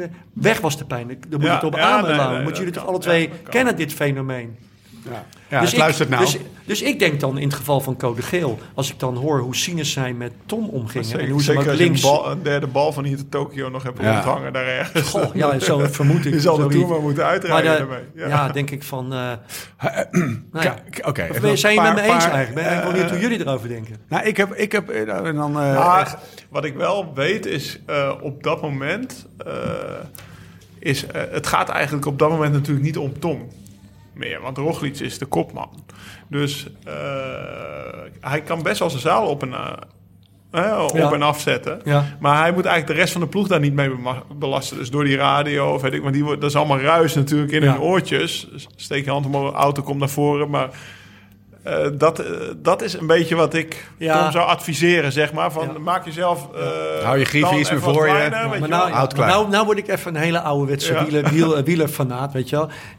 Kijk, die ploeg zit, zat fenomenaal in elkaar, weet je wel. Dat, dat was goed in. En, en, en zelfs, zelfs eh, als Steven Kruiswijk afvalt, oké, er is nog twee kopmannen en twee kopmannen. Maar uiteindelijk één kopman, die ging uiteindelijk ook Ja. in dienst rijden. En daar, daar kwam dat treintje weer. Maar ja, mijn god, weet je, we constateren ook dat we twintig dagen saai vonden, weet je wel. Dus er is iets Ja. in het wielrennen gaande al een tijd... Van de, de structuur van hoe zo'n ploeg wordt samengesteld en hoe er gekoerst wordt en ook hoe er ingekocht wordt, zou ik maar zeggen. Dat, dat het steeds meer een Catenaccio. ploegenwet, catenaccio, een catenaccio wielrennen is geworden en een, en een ploegen, ploegenspel is geworden, dan dat. Ja, waar praat iedereen nou het afgelopen jaar toch het eigenlijk het allerliefste? Oké, de tijdrit van uh, hè, eh, Ja. wat eigenlijk een solo optreden is. En, en eh, Ronde, van Vlaanderen. Ronde van Vlaanderen, ja. Eén tegen één, weet je wel. Uiteindelijk willen wij, wil ik althans toch niet vermoeid worden met besluiten van ploegleiders of straminen die uitgezet worden voor een hele tour. Maar wil ik gewoon woestheid, wildheid, Ja, dat, dat is eh, explosieven Ja. op die fiets. Dat is de eh, romantische drama. inslag. En dan ben ik romantisch. Maar ja, fuck it. Eh, hier zit een Koers, verdomme! Ja, ik- maar laat mij nou maar de romantische klootzak zijn. Maar hier zit een wielrenner die heeft gewoon gekoerst en gewoon is ervoor betaald. En, en die, vindt, die vindt het ook saai. Waar of niet, Laurens? Of zit ik Ja, ik, in de nou, ik vond het zeker niet saai, omdat ik wel... Ja, wel, je zei net dat je het saai Ja, vond. ja, we- ik vind... je, je had, gaf het een 6 tot aan de laatste Ja, dag. het was, ja, ja, maar wat, wat, wat, wat, wat, wat het voor mij niet saai maakt, is dus dat ik bedenk, wat, ik- wat zou ik anders doen? Weet je wel, zou ik me, zou ik me de hele Tour ook zo opstellen eh, als Jumbo-Visma heeft, ge- heeft Ja. gedaan? Of zou ik, Ja. zou ik misschien andere keuzes hebben gemaakt? Weet je wel, die tactische analyses, dat is iets wat het voor mij altijd nog wel heel leuk maakt. Is er een- Maar we hebben, het, we hebben het met Dylan van Baal over gehad. Weet je wel, Ja. Brailsford, die heeft natuurlijk al zeven keer de Tour gewonnen. Ja. En die kan nu opeens zeggen van, eh, want die heeft in de Giro gewonnen met, eh, met aanvallend wielrennen. En in, in Engeland gaan de, gaan de waarderingscijfers, of hoe je het maar wil noemen, door het dak heen. Ja, is er een die zegt kentering van ja, ik ga gewoon het, eh, wij gaan eh, met Ineos gaan we altijd koersen zoals in de Giro, want dat vindt het publiek leuk. Alles in het leven gaat in golven. Ja. En eh, de golf van de voorspelbare Catenaccio, eh alle watts bij elkaar optellen en dan delen door negen is hoe goed je bent als ploeg denken. Die golf die is wel een beetje... Maar ik denk wel over. dat als ik Jumbo zou zijn, zou ik eerst voor de grootste zekerheid gaan. Ja. Eh, de Brailsford die kan het zeggen, die heeft zeven keer Ja. de Tour gewonnen. Ja, Ja, ja, de, de, maar ja dus, dus krijg Dat je kampen ja. die zeggen van mensen die naar de Tour kijken en die hopen dat Jumbo, Jumbo de Tour wint.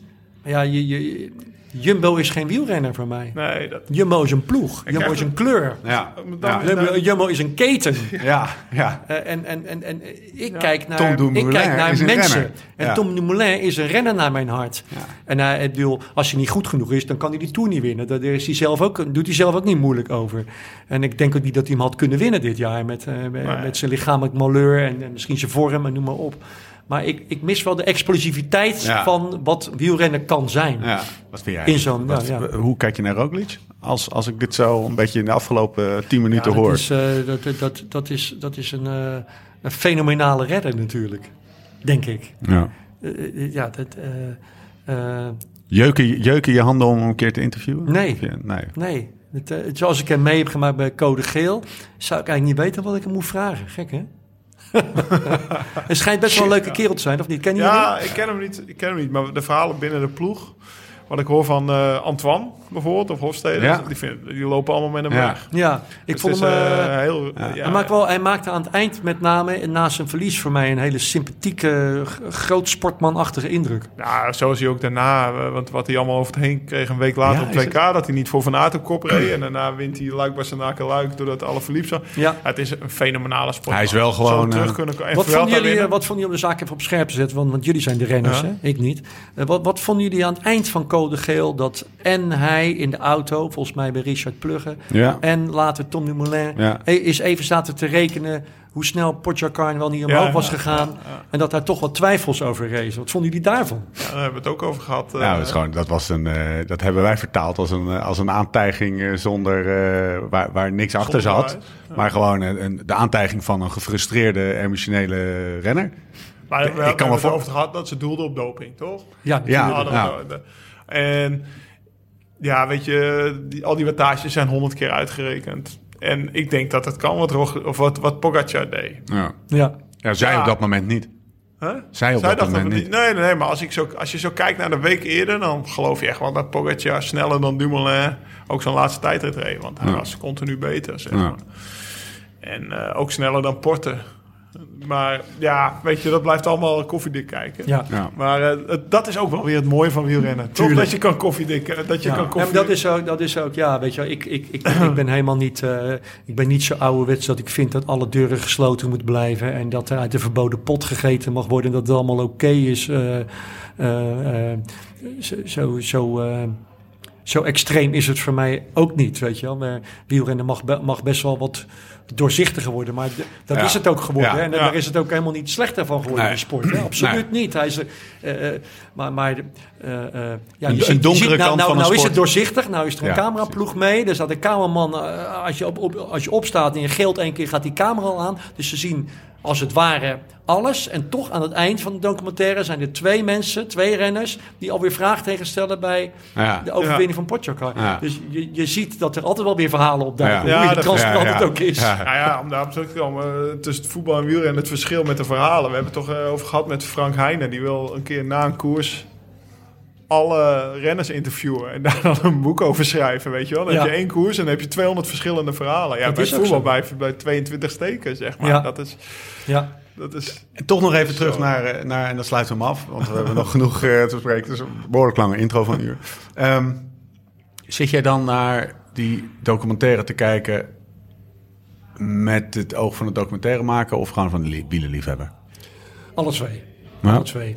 Ik ben, ik ben wel gedeformeerd door, door, mijn, eh, door mijn vak. Door, door lang met cameramensen te werken en eh, ook wel op sport te zitten. Dus ik kijk ook wel hoe dat gedaan is. Ehm, eh, en de optiek en de opbouw van zo'n documentaire. Maar, maar omdat het ook mijn eerste keer was dat ik het zag... en dan Ja. weer een beetje werd meegenomen in de hectiek Ja. van die tour... zat ik ook Ja, wel gewoon als liefhebber te kijken. Dus dat combineert eigenlijk wel. Het zou wel, zou wel echt een heel tof experiment zijn om te kijken. Eigenlijk had je, die, had je hem niet moeten zien, de documentaire van Kees Jonkind. Maar hadden ze ze op hetzelfde kanaal tegelijkertijd uit moeten zenden. Jouw Ja, versie, of jullie versie. beelden Ja, en maar die ik van weet, Kees ik, Jonkind. ik, ik weet echt, ik weet serieus, ik, weet, ik heb echt zitten overleggen met, eh, en we hebben één keer de- volgens mij echt bij elkaar gezeten, het is al wel eventjes geleden hoor. Toen de vraag kwam van de VPRO, zou je dat willen maken en kunnen maken? Ik vond het, ik vond het wel een hoofdpijndossier, zeg maar. Ja. Als je dus niet bij de renners mag zijn eh, en heel veel dingen sowieso allemaal niet kan, Ja. wat maak je dan nog? Ja. Weet je wel? En kom je dan niet te veel. Dat was goed aan deze docu, die zat wel in de sport. En wij, wij hangen er wel een beetje aan de rand. Maar als je echt te ver aan de, aan de buitenkant Ja. komt te zitten. Ja, dan wordt het misschien wel een beetje gek absurd. Als je, als je, als je in ons geval eh, zo ver wegraakt Dan van de krijg je het verhaal niet meer mee. Zeg. Nee, nee, dan krijg je de sport ook niet meer mee, Nee, denk ik. nee. Dat, zou, dat was ook Maar mijn grote twijfel. Wat bij mij oppopte, hoe keek je, want je, je bent voor gesloten kleedkamers. Hoe, heb je The Last Dance gezien van Michael Jordan? Ehm, een paar afleveringen. Maar niet dat je eh, helemaal af wilde. Klinkt Nee, alsof je hem in nee, één nee. avond hebt gebinged Nee. wordt. Nee, nee. Eh, nee. Ik vond hem ook niet zo goed als andere mensen vonden, denk ik. Dat heeft ook te maken met dat, ik de, dat het wel fascinerend was. En wie ben ik om te zeggen dat... eh, sowieso moet ik niet zoveel mening daarover hebben, maar als ik het niet helemaal gezien heb. Maar Het geef je niet. eh, nou, op een gegeven moment wist ik het wel. dacht ik, oh ja, zo'n docu. Ik Vond niet, eh, Waar zat dat in? dat heeft te maken met dat het eh, eh, heel erg opgebouwd is uit archief. Ja. Heel veel archief, dat is ook logisch natuurlijk. Want iemand, hè, je kijkt door de ogen van Michael Jordan, die dan in die stoel de hele tijd zit te, te oreren. Kijk jij terug op zijn, hè, op die carrière en alles wat er omheen gebeurde. Dus je krijgt wel heel mooi archief te zien. Maar ik vind, ja, ik vind, archief heeft ook iets teleurstellends. Dat, namelijk, je hebt het zelf niet gemaakt. En wij, wij, wij hebben het, in de tijd dat ik Sportpaleis de Jong maakte, wi- wilden wij Zelfbeelden. alles zelf maken. Ja. Dat, dat, dat, daar, komt, daar komt ook dat probleem van Code Met, Geel bij eh, ons gelijk. Dat we dachten, ja, die kamerman die is wel goed en die zit daar binnen. Maar we willen eigenlijk liever alles zelf maken. Hoe En goed ik het archiefbeeld ook was. Want Ja, maar wij ze, ik zal je vertellen hoe extreem het was. We hadden het net over eh Sint-Willeboord. ehm Ja, ja. ehm, Wim nee, van maar ehm, de, de andere eh, dalen, de, de, de goede daler. Eh, Wach- Rini Wachmans. Wachmans, ja. ja. Wij hadden ooit Rini Wachmans op de massagetafel liggen. En hij was een extreme daler. Hè? En Ja. hij, eh, die, die, die zijn remmen gebruikte niet. En die durfde naar 100 toe een uur toe in die tijd op die stalen fietsjes. En da- daar gingen we het zeker over hebben. En toen, toen, maar we vonden geen goed archief van een afdaling. Toen hebben Rob en ik, zei, zei Rob, dan maken we dat zelf wel. Toen hebben we een oude camera, eh, Rob had oude camera's waar film Ja. ingingen nog. Zo'n 16 mm camera of 8 mm, weet ik niet meer, één van twee. Een 16 mm cameraatje genomen met een, met een rolletje erin.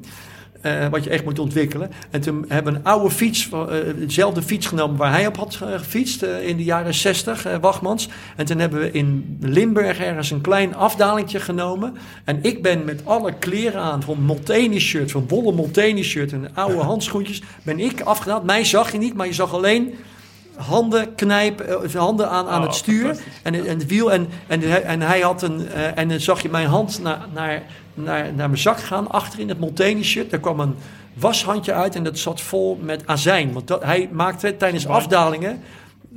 hield hij een washandje tegen de zijkanten om het goed te kunnen blijven remmen. Dus dat shot Om af te koelen was om, het. ja, om af te koelen of, om het vuil eraf te om het vuil van de banden. Ja. Ja, ja, ja. ja. En, en eh, dat, dat hebben wij dus gedraaid. Ja.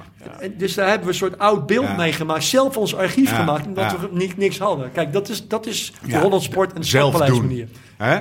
Zelf doen, originaliteit en dat, ja. Dat, ja. Dus het was er überhaupt maar, en dan sluiten we hem af. Ehm, als wielerliefhebber leuk om te zien. Ja. Je ging ervoor zitten, Ja. popcorn op schoot. En, eh, Spannend. En, en spannend en je Ja. werd erin gezogen. Ehm, als je het had gedaan, want dat was nog maar de vraag. Want het, je wil ook dingen zelf doen. Dus waren de voorwaarden er wel om het te doen. Dan, dan waren er wellicht wat dingen anders. Maar was. Wilfried Ja, zelf in Frankrijk Ja, precies. geweest ook. Ja. Wat zeg je? Dan was je ook zelf in Frankrijk geweest. Dan was ik zelf in Frankrijk geweest, maar ik vond, ik vond het dus heel moeilijk om dan te verzinnen, oké... Wat eh, hadden we dan ja, moeten dan kom doen? je wel weer weg met je originaliteit. Nou, misschien wel niet. Ja. Misschien is dit wel de Ja. enige manier waarop het had gekund. Oké. Oké. Ik denk dat even We gaan naar de eh, rotte. Ja, en toch eventjes. Ik denk, ik denk dat het ander, dat, ik denk dat het kunstzinniger was. Ik denk dat er meer, meer ehm, eh, abstracte beelden in. Het was, ik, ik vond het functioneel. Nou ja, zeg maar. Het was functioneel. Het was de, de tijdslijn die gekozen was, was ook de meest voor de hand liggende tijdslijn. Eigenlijk. ah, wij, wij, wij maken Ja. ook eh, her en der een filmpje. Ik denk dat de eerste tijdslijn, die, de, de eerste optie was namelijk... we doen het van etappe 1 tot en met etappe 21. Oké, dat kan dus per definitie niet. Wat is nog meer op tafel? Wat kunnen we doen? Want die kan het niet zijn. Want dan Ja. moeten we terug naar af. Nou ja, wij, ja, ja, ja dat, dat is gewoon, een- dat is gewoon een andere, andere manier van kijken naar sport, denk ik. En Ja. dat doen we natuurlijk altijd veel associatiever. En eh, ja, als je met een jongen als Rob Hotsemans werkt, kamerman, Ja. die, natuurlijk waanzinnig goed, die heeft ook die vrijheid in Ja. zich. Dus die gaat, ja, ik heb wel eens gehad dat, dat, dat ik een keer, eh, eh, dat wij Linford Christie eh, eh, Oh, eh, hardloop Brit, gingen filmen. 100 meter. Ja. En toen waren we, daar, waren we die aan het filmen en toen liep Colin Jackson, je, of nee, Colin... Ben zijn naam kwijt. Heet hij nou Colin Jackson, zo'n hordenloper? Colin, niet Colin Powell. ja, is. Colin niet zijn achternaam?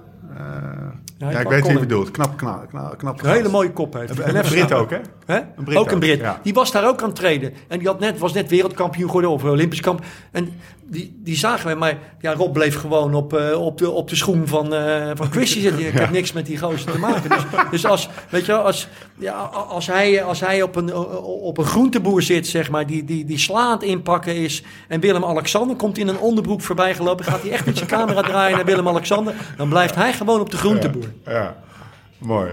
Hij is wel, hij- je, je noemt hem nu een paar keer en op de een of andere manier steeds komt hij ter sprake. Dat is wel, hij heeft wel voor een groot deel, hij heeft wel een groot aandeel in wat je maakt en hoe je denkt. Hè? Ja, vind, eh, met alle plezier draag ik altijd voor hem eh, Ja. eh, de camera spulletjes mee Ja. de statieven. Want het, dat is gewoon heel belangrijk. dat zie je bij, dat is bij Code Geel ook. Die Thijs heeft natuurlijk wel fantastische Ja. shots gemaakt. Ja. Ja. Ja, mooi. Vergeet de kamermensen niet. Maassen op dat hekje. Met wie zit hij op een gegeven eh, moment? George Bennett. Met ja, George Bennett. zit ze op het hekje. Beetje delibereren. Heel zegt, mooi eh, shot. eh, op zo'n Lolita. boerenhekje. Gewoon zo'n koeien daarachter, bij wijze van spreken. Dal, het is een schitterend shot. Dan zaten ze een beetje... Shit, als we dat toen hadden... ze- Ja, toen hadden we hem niet moeten laten Toen waren ze de tactiek aan het even. Dat was denk ik wel Ja. weer de andere kamerman, vermoed ik. Maar dat weet ik niet zeker. Hoewel, Ja. ja. Oké. Ja. Oké, ehm, wanneer heb je voor het laatst een rondje Rotte gefietst? Zaterdag. Wat had je aan? Eh, ik, had, eh, eh, ik, ik rij heel graag met, met beenstukken. Ik vind die broeken lange uit één broek. stuk, Ja? die lange broeken, vind ik niet zo mooi om te zien. Ik vind het heel mooi dat je ziet dat je, dat, dat je die overgang... Zeker eens. Ja, hè? Je snapt ja, hem, hè? ja. Overgang van je broek naar je beenstuk vind ik Ja. zo mooi. We hebben nu wel wat dikkere, korte broeken gemaakt. Ja, Zodat je iets korter ook. beetje, Dus, eh, en, en ik heb... Ik heb eh, Overschoenen, ik- Wilfried? Zeg je? Overschoenen? Hoog? Overschoenen? Eh, ja, overschoentjes. Ja.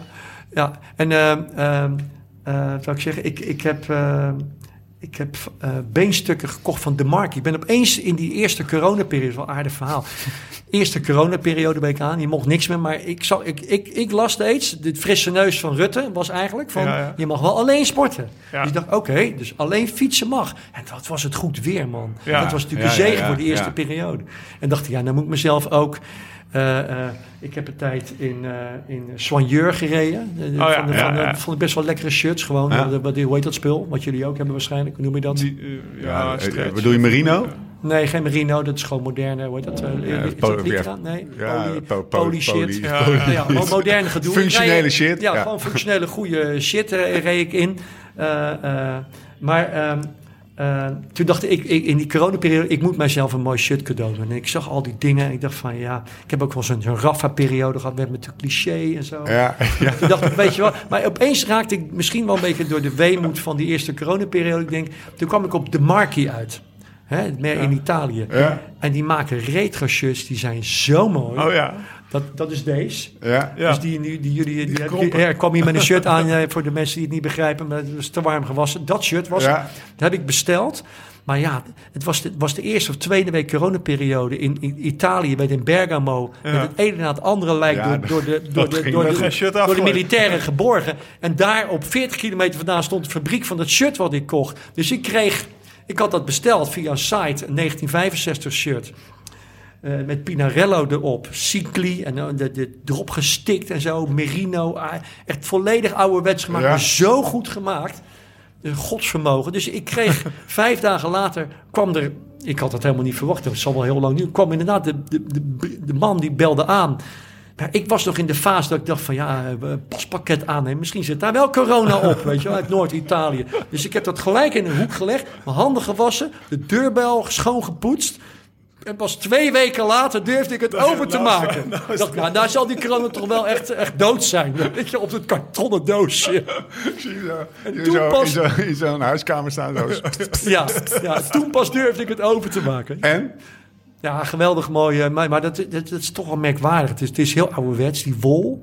Maar op een of andere manier heb ik daar heel lang in gefietst. En het ademt wel fantastisch. Hè? Goede merino was. niet Ja, ja, ja. Niet te veel, niet niet te veel de wassen ook, hè? Maar goed, Niet die te veel was, wassen. met die wassen ging het mis. Maar, Eh, maar, re- maar ja, retro daar heb ik dus de, nog even, daar heb ik dus de, de Markie eh Ja. beenstukken, die zijn, waren heel goed.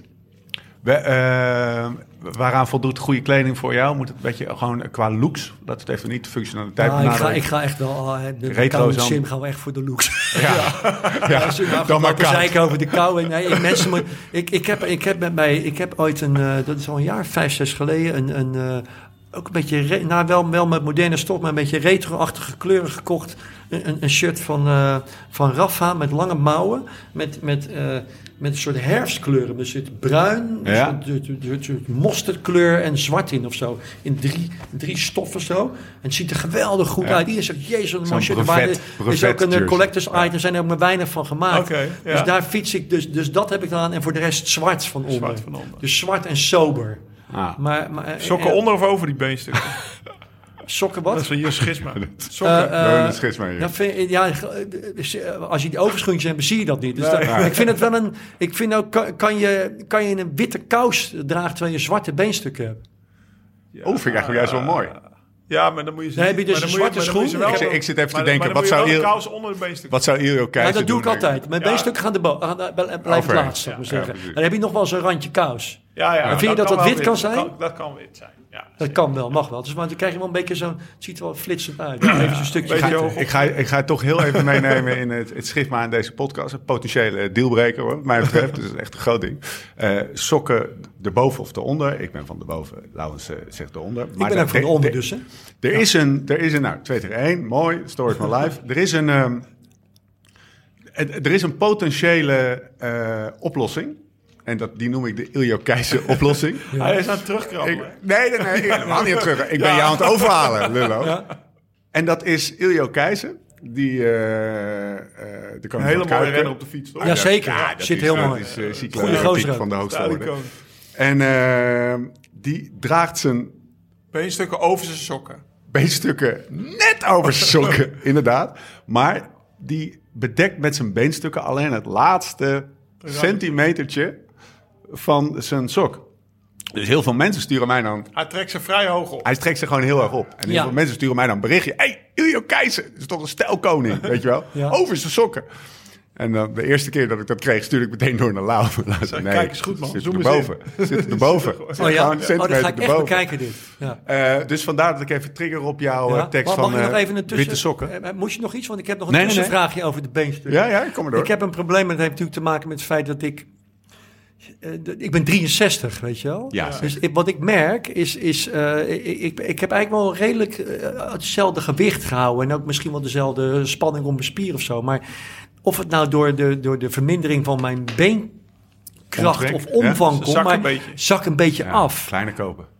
Ja, Ja. maatje eh, ja, eh, als ik Maar, één nee, ding geleerd nee, ik- moeten echt klein zijn. Moeten echt klein Ja, zijn. ja. Ja, Nou, echt best strak. wel strak zitten en dan gewoon hoog optrekken. Ja, en dan zitten ze wel helpt zo'n wel. stuk, zo'n centimeter of... Ik trek ze wel tot, nou, dan ben ik aan het wijzen op mijn bovenbeen, maar dat is komen. Jij Maar trekt ze nog net niet over ja, je... bijna tot, dit eh, maar bijna tot je lies. Ja, ik je denk dat je nu heel netjes bent. Ik denk dat je zei stiekem bijna over je zak heen trekt. Ja. Ja. Gewoon links over je rechter, of links, Links over je een bal, linker. rechts een bal. Links dat een is wel bal. lekker winter. Vandaar ook het schisma. Ja. Amsterdam is de enige man die links een bal en rechts een bal in zijn eh, beenstukken kan toveren. Hoe zou Armstrong dat doen? Ja. En dan je zweet hebt, zo lekker... Maar, hey, maar ik, krijg dus ik heb dus dat probleem. Heeft, eh, Zakt af. zakt Ja. een beetje af. Ja, en- en, en, maar dan krijg ik het Maar probleem markt- gisteren, zaterdag. Zaterdag, ik fiets en op een gegeven moment denk je... Want dat, het allerergste vind ik als je dus... Als, je dus dan, als het dan winter is, dat je een klein stukje lichaamsdeel ziet. Dat kan Oh, ik niet Nee, tegen. dat is terug naar af. Dat vind ik, Ja. dat vind ik een soort van... Ja, Ja. de, de- poor, man's, poor man's cycling is dat. Zum kotsen. Zum kotsen. We doen het in het Duits. Maar het gebeurde mij. Dus ik voelde aan de wind. Ik denk, shit, er is een klein stukje bloot. Weet je? Ook niet geschoren in deze tijd. ik weet niet dat bij jullie is. Dus ik denk, shit, wat moet ik, weet je. Maar hoe doe je dat en waar doe je dat? Ga je al fietsend dat een klein stukje Kan. repareren? Want eigenlijk is het best om af te stappen en voor en achter ja. even hups, even goed op te trekken. Maar dat vind ik wel een moment hoor. Dat je dus stopt met fietsen. Bij het, hè, je en, als er dan een ren iemand langs fietst en die ziet jou dat doen, dan is echt je mijn hele zondag voorzien. Dan ben je een amateur, terwijl ik, ik rij als een prof. Maar dat Het is is, mijn, duidelijk hè? het is mijn ervaring dat even optrekken al fietsend werkt niet. Nee. Want dan ben je, ben je vijf minuten verder, sta je weer. En, en liever gewoon één keer stoppen. Kijken Tenzij of je wat niemand je voor de kijkt. pool bent voor de Amstel, want dan draag je ze over je broek. Ja. Dat mag alleen in een wedstrijd. Ja. Ja, en dan ga je ze er als je Ga je ze uitdoen, of tenzij je Tom heeft. dat je ze onder je broek. Ja. Ja. Maar ik, ik heb de indruk dan, dat de meeste niet... Dat, hoeveel procent rijdt met, met, met, eh, met Beenstukken. Ja, toch wel veel met lange broek. 50-50. Hoe- Gewoon eh, Ja. toeristen? Of gewoon alle überhaupt? twee. Ja, ik ben de benieuwd winter hoe ook dat met zit. lange broek of beenstukken. Ik rijd het liefst met beenstukken. Ja, Omdat ik- ze ik om, met de mogelijkheid dat ze af kunnen of wat, ja, wat ik optisch gewoon mooi Ja, gewoon optisch. Zit Ja, optisch. ook. Ja, Ja, ja, ja. dus gewoon, die bovenbeen komt net even lekker eruit. Je Ja, ja, ook ik- trouwens. Ja, ik vind het ook hoor. Ja. Ik ben heel blij om te horen dit. Oké, dus we hebben, even kijken, we hebben sokken gehad, we hebben beenstukken gehad. Schoenen, wit, wit, zwarte schoenen. Ik heb lang, eh, lang wit gehad en nu is zwart. Veters? Of, eh, Ja, ik van heb die veters. Ja, dat Is ik. dat oké? Ja, dat zie ik wel even. Ja, een beetje retro. Ik vind veters wel... Ik, ik, ik, eh, eh, ik had veters en toen, toen dacht ik, wat is, dit voor een, wat is dit voor een onzin? Maar toen zei een vriend tegen mij, ik heb ook veters, die woont in Italië.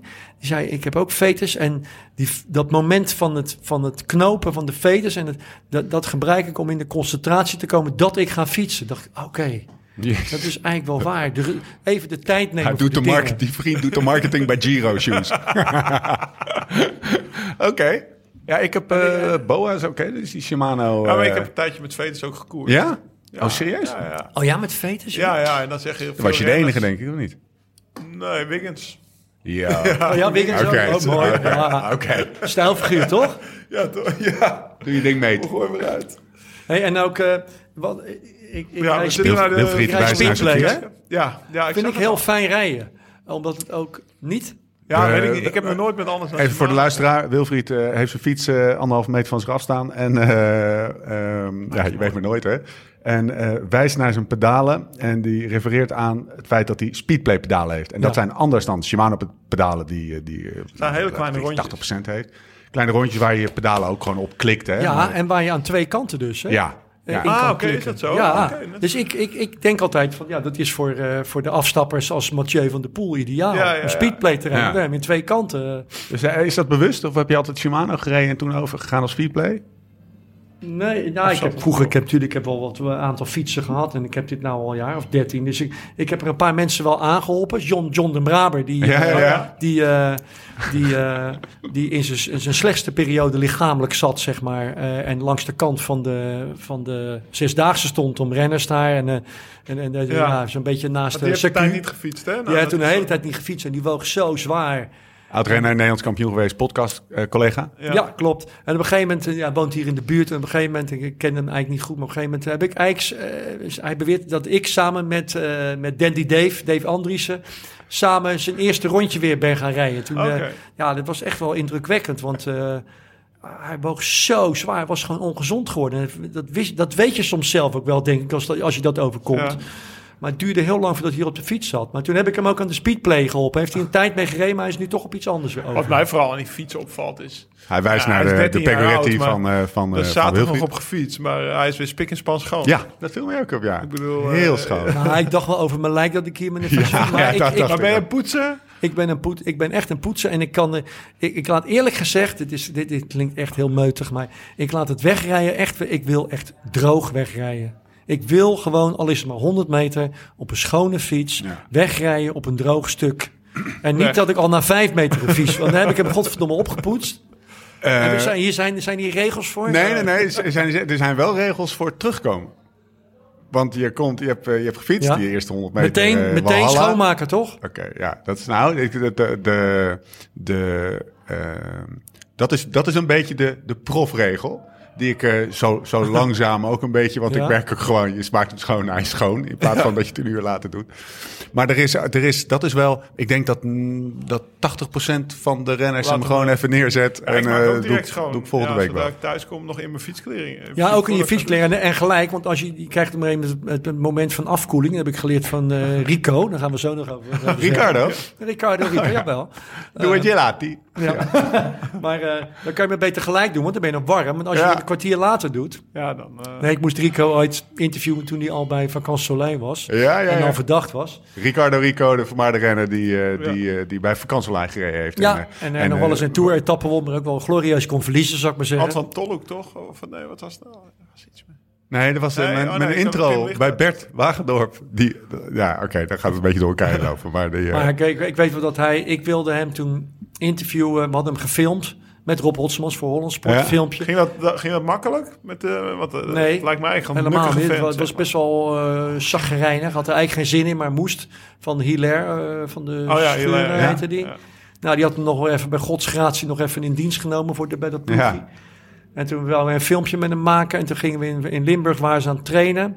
Dus wij filmen. Toen gingen we de, de hoe heet die, de, de, de IJzer, IJzerbosweg Ja, namen Oh, we. ja, ja, ja. Eh, En bovenop dat bankje. dat- en daarboven op dat bankje zouden we dan interviewen. Maar dat zag hij helemaal niet zitten, want hij, ja, daar vat ik kou. Het was ook, ik weet niet, was in het voorjaar waarschijnlijk. En toen vond ik een ontzettende aansteller, maar ik begreep het ook wel. Tom Dumoulin zei dat ook een keer tegen mij. Dat was op de, eh, op de Wannen volgens mij, toen wij hem interviewden. En ook ge- fietsend was het ook koud. Er ging zelfs sneeuwen volgens mij, verhagelen. Ja, Ja, toen, ja, dus ging eh, Tom, Tom en mij in de auto even gezeten. En dacht, want, eh, dacht ik, goh, wat een zeurpietjes. Maar ik, snap het eigenlijk wel. Dat is ook met dat schoonmaken. Als je een kwartier wacht en je drinkt een kop koffie gaat dan, dan loop je eigenlijk afgekoeld naar buiten en dan Ja. vat je kou. ja. Toch? Dan, Ja, eh, ja, ja. Dus gelijk eh, schoonmaken. Dat is een lange, een lange omweg. Ja, plus ben- het is meer aangekoekt, hè. Ben je veel Zo fietser? stom is die Rico niet. Ben je veel fietser? Wilfried? Fietsen, fietsen veel? Nee, ik ben een weinig fietser. Ik hou ook niet van lang fietsen. Ik fiets, eh, ik vind, eh, ik vind eh, anderhalf uur vind ik heel plezierig. En ik het komt maar heel zelden voor dat ik, eh, dat ik, dat ik twee of drie of vier uur fiets. Echt heel Vast, vast rondje?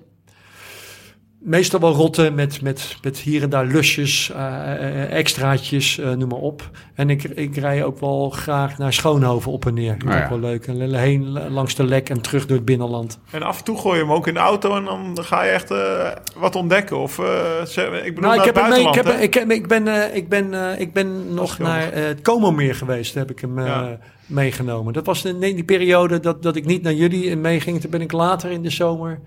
Paar weken ik, eh, later, een paar maanden Ja, maar een paar maanden later ben ik hem meegenomen. Ben ik, ben ik naar de, bleek dat ik van mijn huis uit gewoon gelijk aan, in kon klikken. En gewoon in één keer de klim kreeg naar de Gizallo. Oh, En dat was eigenlijk fantastisch. Het was mooi weer. ga je dan in je eentje? Ja, ga ik in mijn eentje. Ik rij eigenlijk altijd in mijn eentje. Ja.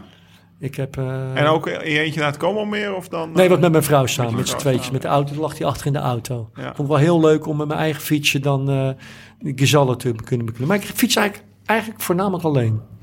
Eh, wat is je mooiste dag op de fiets eigenlijk? Heb je een mooiste dag ooit op de fiets? Poeh, goeie vraag zeg.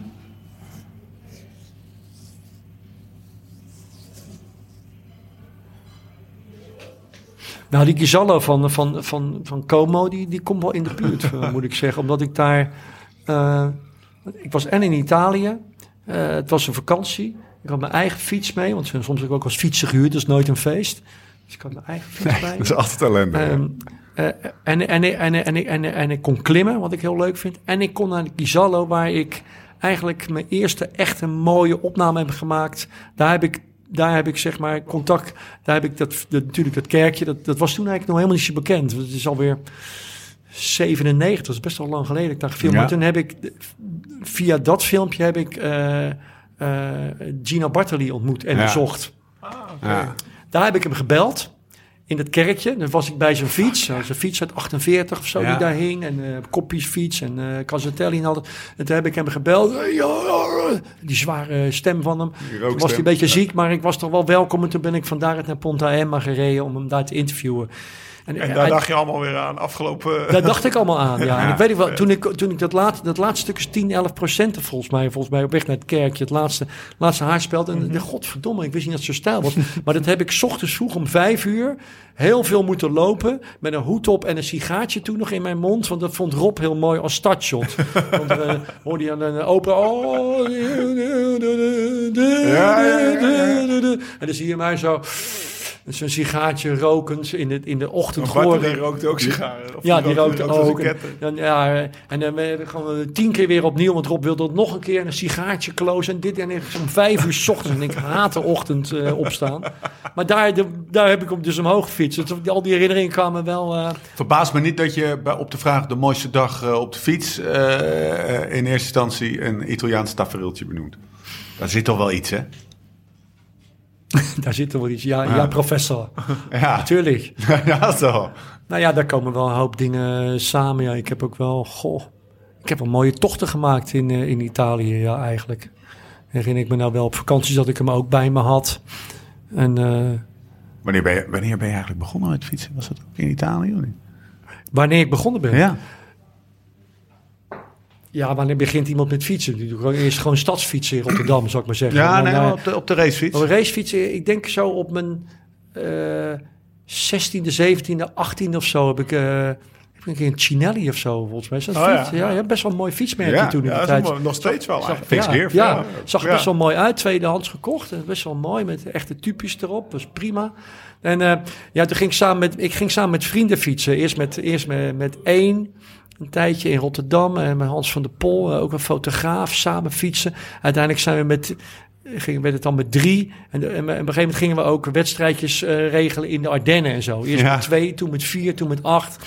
En toen we, ja, we echt wel ordinair werden gewoon ja, de hotels verbouwd. En aquaria met scheersuip, scheerschuim volgespoten. Maar En- eh, nooit de ambitie gehad om ook echt koersen te gaan Nee. rijden. En de ronde van Feyenoord te gaan rijden, zeg maar. In, eh, nee. Dat niet. Nee, ik, ik, ik weet wel dat in die tijd, in die tijd dat ik ging fietsen de, en je naar die kilometers zat te kijken, dan hoorde je altijd, als je 42 gemiddeld kan fietsen, kan je met de amateurs mee. Ja. Nou, ik geloof niet dat ik het ooit gehaald heb. Althans niet als gemiddelde. niet als gemiddelde. Nog redelijk rap trouwens. 42 gemiddeld. Ik denk dat je... eh, Nee, maar en, en, en, en ik, ik, ik zie alleen maar dat. Ik, ken, ik heb heel lang met die, met die, met die, eh, die wedstrijden voor NK-journalisten meegedaan. Ja, ja, ja. Eh, Was dat bij één keer per jaar was dat dan fietsen geblazen, weet je. En daar zag je die snelheden, zag je met het jaar gewoon omhoog gaan. Die gasten werden allemaal steeds, spullen werden beter, fietsen werden beter, Fanatieke. fanatieker. Eh, Hoe sta jij aan de start van de ronde voor, voor journalisten? Of de NK. NK voor journalisten? Hoe ik daar aan sta. Ja, met het mes tussen de tanden of, Ja, of lachen ja, ambitieus. Ik Ja. ben absoluut iemand die wil winnen. En ik trainde er ook echt wel voor. Maar het was wel raar hoor. Want ik maakte periodes mee dat, dat, dat er... eh daar kwamen de journalisten op mij af die ik helemaal niet kende. Jongens die... eh, die, die, die 20 jaar jonger waren dan ik. En die zei: Ik heb het hele jaar aan jou gedacht. Ik heb het hele jaar aan jou gedacht. Totale gekte, weet je wel. En wat, ben je een keer dicht geweest? Kort geweest? Dicht geweest. Ja, ik, in heb, het begin. ik, heb, ik, ik, ik, ik reed altijd wel. eh, Je had dan wel A, B en B ploeg. Ik deed wel met de B, want de A waren, bij, bij, waren, waren, waren bijna, bijna, bijna amateurs die Ja. reden. Want ik heb nog wel meegemaakt dat, dat NK journalisten dat. eh, dat, dat, dat er journalisten, eh, dat eh, Jeroen Wielaert meedeed. Ja. Nou, die had gewoon een enorme buik en die had een sigaar in zijn mond en een Ja. feestneus op, bij wijze van spreken. ja. Ging En die, gezellig die, die, deed, gezellig mee. Maar nu zijn al de wielerjournalisten, kijk, kijk maar Thijs naar Herman van der Zand, Thijs Zonneveld, die zijn allemaal, Fit boys. zijn allemaal enorm fit. Wij kunnen ook mee gaan doen trouwens. Die, Ja, wij zijn ook journalisten. Kom op, die, die, die, die doen gewoon nog aan een geheelonthouding als het om seks gaat. Zo, zo fanatiek zijn die, weet je. Maar dat was toen nog niet. Maar, maar ik heb, mijn, mijn glorieuze moment was wel, je zegt, een pedant van het NK journalisten was eh, met het oog morgen bokaal. Wat eigenlijk ook, een, Ah, ook zo'n wedstrijd was voor journalisten toch wel. En ik weet goed, dan, eh, eh, Tim Krabbe was er, die deed volgens mij met de A'tjes mee en ik deed met de B'tjes mee. Of Tim reed helemaal niet toen dat jaar, dat weet ik niet. Ik stond aan de start. En ik had wel een soort plannetje in mijn hoofd. Dat viel allemaal in duigen. ik denk met J.W. Roy nog of zo.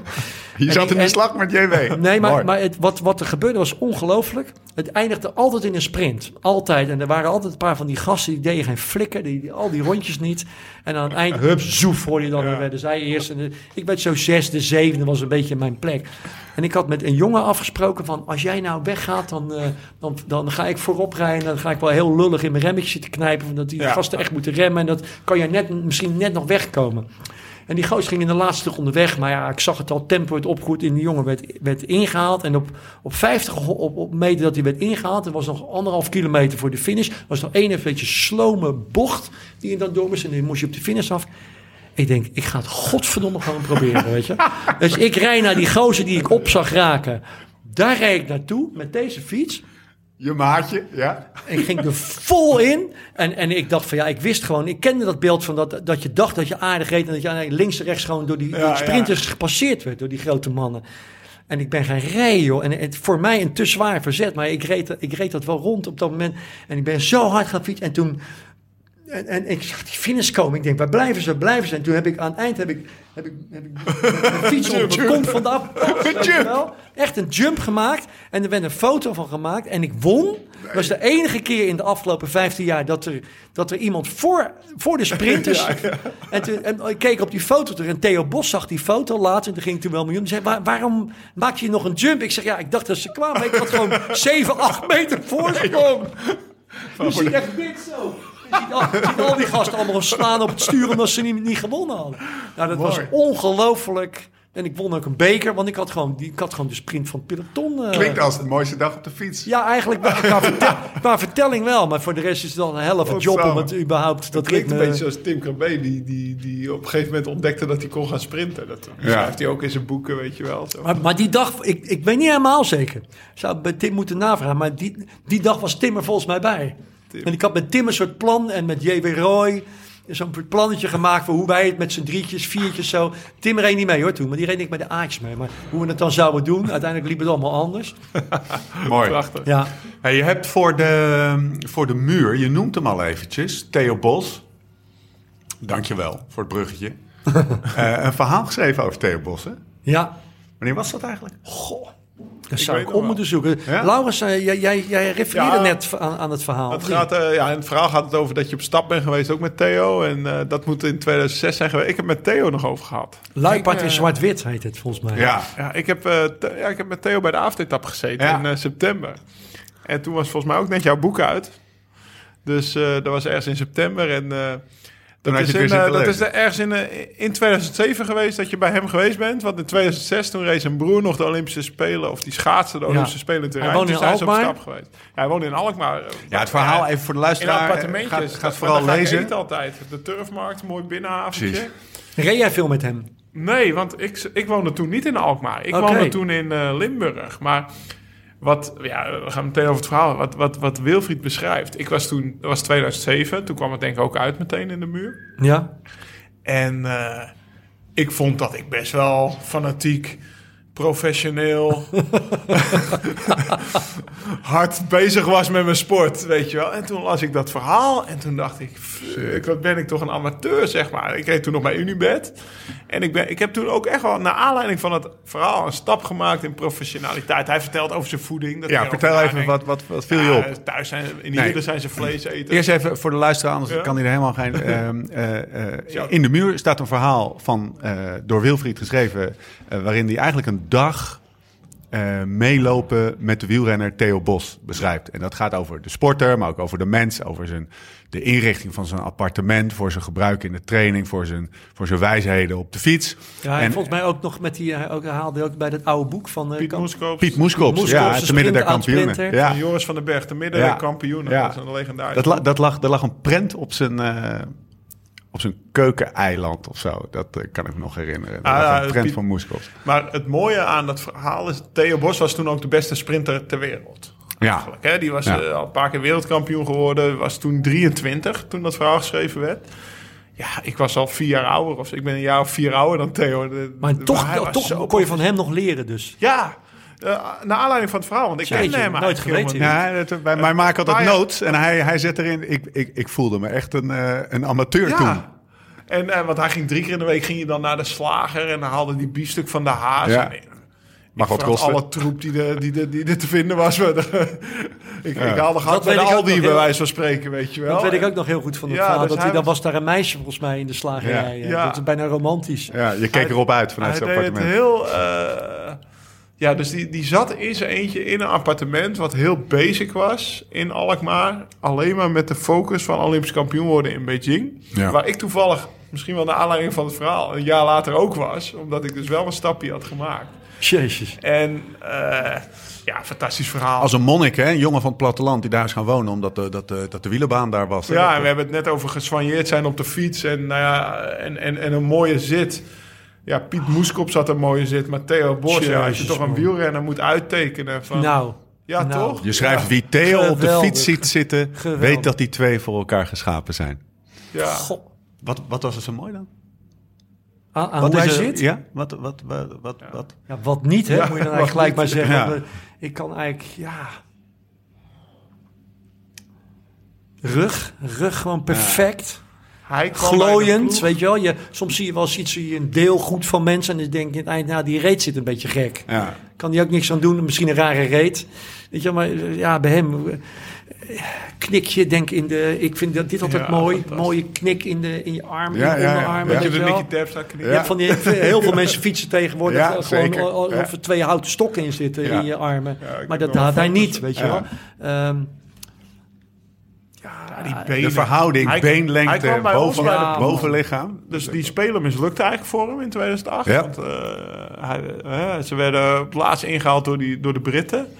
En ik vond het zo stoer dat hij toen gewoon op de weg ging fietsen. ja. Dat ja, is, inderdaad. ja, dat dat was- heb is ik ook- eigenlijk ook, een ja. beetje de tijd geweest ook dat ik... Eigenlijk, eigenlijk hoopte ik dat Sven Kramer hetzelfde ging doen. En die is altijd eigenlijk bij het schaatsen gebleven. Maar ik had, ik had echt vet gevonden als Sven ook... Ja, weet ik, eh, dat is eh, een sportman. Maar Theo die durfde het aan om op de weg te gaan fietsen. Die kwam ook gewoon bij Rabobank. Want hij had eerst een jaar zijn velo in 2.9 maar, of 2.10. Maar daarna volde dat team, zeg maar. Ja, maar dan gewoon, het was genieten op trainingskamp. Gewoon achter hem rijden, zien hoe, die, hoe mooi die draaide. En als hij dan een sprint ook... Hij won ook meteen in Alman een rit. Ja. Volgens mij dat hij de sprint voor zichzelf aan te- op kop reed. En dan nog echt dat baan dat hij de laatste 250 meter nog, zelf versnelde. Dus die er was eigenlijk de sprintaantrekker en, en sprinter tegelijk. Ja, Hij heel vertelde mij ook in dat kerel. verhaal, denk ik ook. eh, Of anders nog een. Ik heb, ik heb hem af en toe natuurlijk nog wel gezien. Maar eh, dat, dat, hij zei dat, dat hij meemaakte dat hij dus in sprints uitkwam. Gewoon in profpeloton. Hij zei: Je weet gewoon niet wat je meemaakt. Want je, je, je, je denkt van boven, hè, helikoptershot. Van nou, die gaan er eens de laatste vijf kilometer. Hij zegt: Maar het, het is heel vaak. Dat je, dat je moet remmen, dat je uitkijken dat je niet valt. Je voelt hier weer iemand, je voelt Ja. daar weer iemand. Er was voortdurend eh, een verschil in tempo en ritmes en noem maar Dat- op. Het op is de heel baan heb je geen remmen natuurlijk. Op de wielerbaan Nee, heb je geen remmen nee, op je heb je geen remmen. Maar daar had hij, moest hij dus af en toe vol in de rem. En af en toe kwam hij op een stoeprand uit. En Ja. de gekste situaties, zei hij. Ik wist niet wat me overkwam in, dat in het peloton, zei hij. Toch heeft hij 25 wedstrijden gewonnen of zo. Echt Ja. Echt, eh, Nog veel nog. Ja, hè? echt veel. Want, En wat ik ook interessant vond, ook dan, ik heb hem daarna nog eens, ook nog weer eens gefilmd. Dat hij weer terugging naar de baan. En dat hij zich aan wilde Ja. sluiten bij, eh, bij Jeffrey Hoogland en consorten. Hè? ja. En ik weet wel dat ik bij die gasten in Alkmaar zat en toen kwam Theo aan. En ik merkte gewoon, ja, ik zag op een gegeven moment die lichamen van die Jeffrey Hoogland. Dat is natuurlijk onvoorstelbaar. Ja, die- Dan, dus dan moet je gewoon eh, de gemiddelde voordeel moet je daarvoor uitbreken, want anders gaat het niet meer, weet je wel. Dat is niet, niet te geloven. En dan kwam hij daar aan, die slanke Theo, die natuurlijk wel een naam was voor hun, maar... Ja, ik zag die. Ik, ik was gewichtenheffers aan het filmen, zeg maar. En Theo kwam eraan. En die wilde ook. Die wilde ook zijn eigen stuurtje houden. En die wilde niet naar een smaller stuurtje. Terwijl die stuurtjes werden steeds kleiner. Omdat het allemaal beter was voor je aerodynamica, Ja. denk ik, hè, of zo. Maar Theo zei, ja, ik wil die borstkas open houden. Dus die reed nog steeds met het oude stuur. Ja, ik, ik, Elke keer als ik Theo zie, zeg en Theo, is het alweer smaller het stuurtje? Ik kan dat filmpje herinneren. En je ziet echt een beetje... eh, Nou, ja, Theo was natuurlijk een legend. Maar je ziet een beetje de weerstand van die mannen. Want ze zijn Ja, zwaardere versnellingen gaan rijden. En Theo die wilde toch nog op de souplesse. En eh, ja, je ziet het gebeuren. Maar hij is sindsdien toch nog een keer wereldkampioen kilometer, kilometer, geworden. kilometer, nog steeds En heel hij goed. is nog steeds in de running voor startronde Ja. te spelen in... eh, Hij gaat met, met, met zo- Lichtleen van Hoendendaal. Hij, hij doet de Nou, bike ja, off. Roy van den Berg, ja. Roy van den Berg. Hebben ze. Ja, met z'n Eigen- drieën. volgens mij. eigenlijk is het bijna zo, als je de startplek hebt, heb je ook een plak. Ja. Want zo goed zijn, eh, zo Ja. goed zijn de sprinters Ja. bijna. Dus, eh, Ja, zo lang als zijn carrière is, zo goed als hij zichzelf verzorgd heeft. Ja. Dat is al ongelooflijk. We- Ik, Zelf- weet je, er waren van die paar van die. Jij, jij noemt eh, eh, Sven Kramer. Maar in mijn Hollandsportperiode had ik zo'n had ik zo'n paar van die sporters die zeiden: ja, dat is, dat is zo'n buitencategorie over Ja. hoe die sporters zijn en zijn geweest. En dat is Theo Bos er een van en Sven Kramer. ja. Ja. Hè? Snap Ja, je dat zijn, ja, dat Zelfverzekerde gozer. ja, Ja. En het verhaal ook, En- hè? Hij, hij weet precies wat gewoon hij, eh, buitencategorie. Gewoon, Ja. gewoon ja... eh, Alles vijf. Ja, ja. Ja. precies. En een alles vijf aardige, ook ja. nog eens een aardige gozer. Wat Ja. die, die ook niet altijd samen gaat in topsport. Hè? Nee. Dus eh, nee, nee, zeker. Maar het was echt eh fijne ploegmaat ook. Ja. Mooi. Mooi dat jij zei ook van, eh, gewoon dat, van die kleine dingetjes. Hè? Van- Ja, dat, oh, ja, maar dat is natuurlijk Wilfried. Die, die, die beschrijft alle details en Ja. gaat het verhaal lezen. en ik zat, ik was, ik was 26 en ik reed best leuk in. eh bij Jij, jij, jij had je carbonade, uit, uit, uit- haalde je net uit de roomboter. Weet je ging wel. inderdaad over de zit en over millimeters en over lekker eten of goed eten, zeg maar. En, en over dan eh, van maandag tot vrijdag in Alkmaar wonen. En in, terwijl hij veel liever in Hierde is bij zijn opa, Ja, waar hij dan iedere ja. dag langs ging. Ja, maar dan toch iedere keer weer op maandag, hup, in Alkmaar zijn om op de baan te kunnen trainen. Heeft hij nog in een hotel in Bergen gewoond. Dat ik dacht van, godsamme, die gast die heeft... Ja, het- ja. En die is 23, hè? Wat voor Ja. keuzes die Ik die herinner me nu ook nog, nu we het over hem hebben, door toch weer Italië, dat ik, ik was naar eh, de Olympische Spelen en zijn ouders waren er ook. En Theo was er ook bij Jan Bos. Ja. Ah, in Turijn. 1500 of 1000 reden, ze weet niet meer.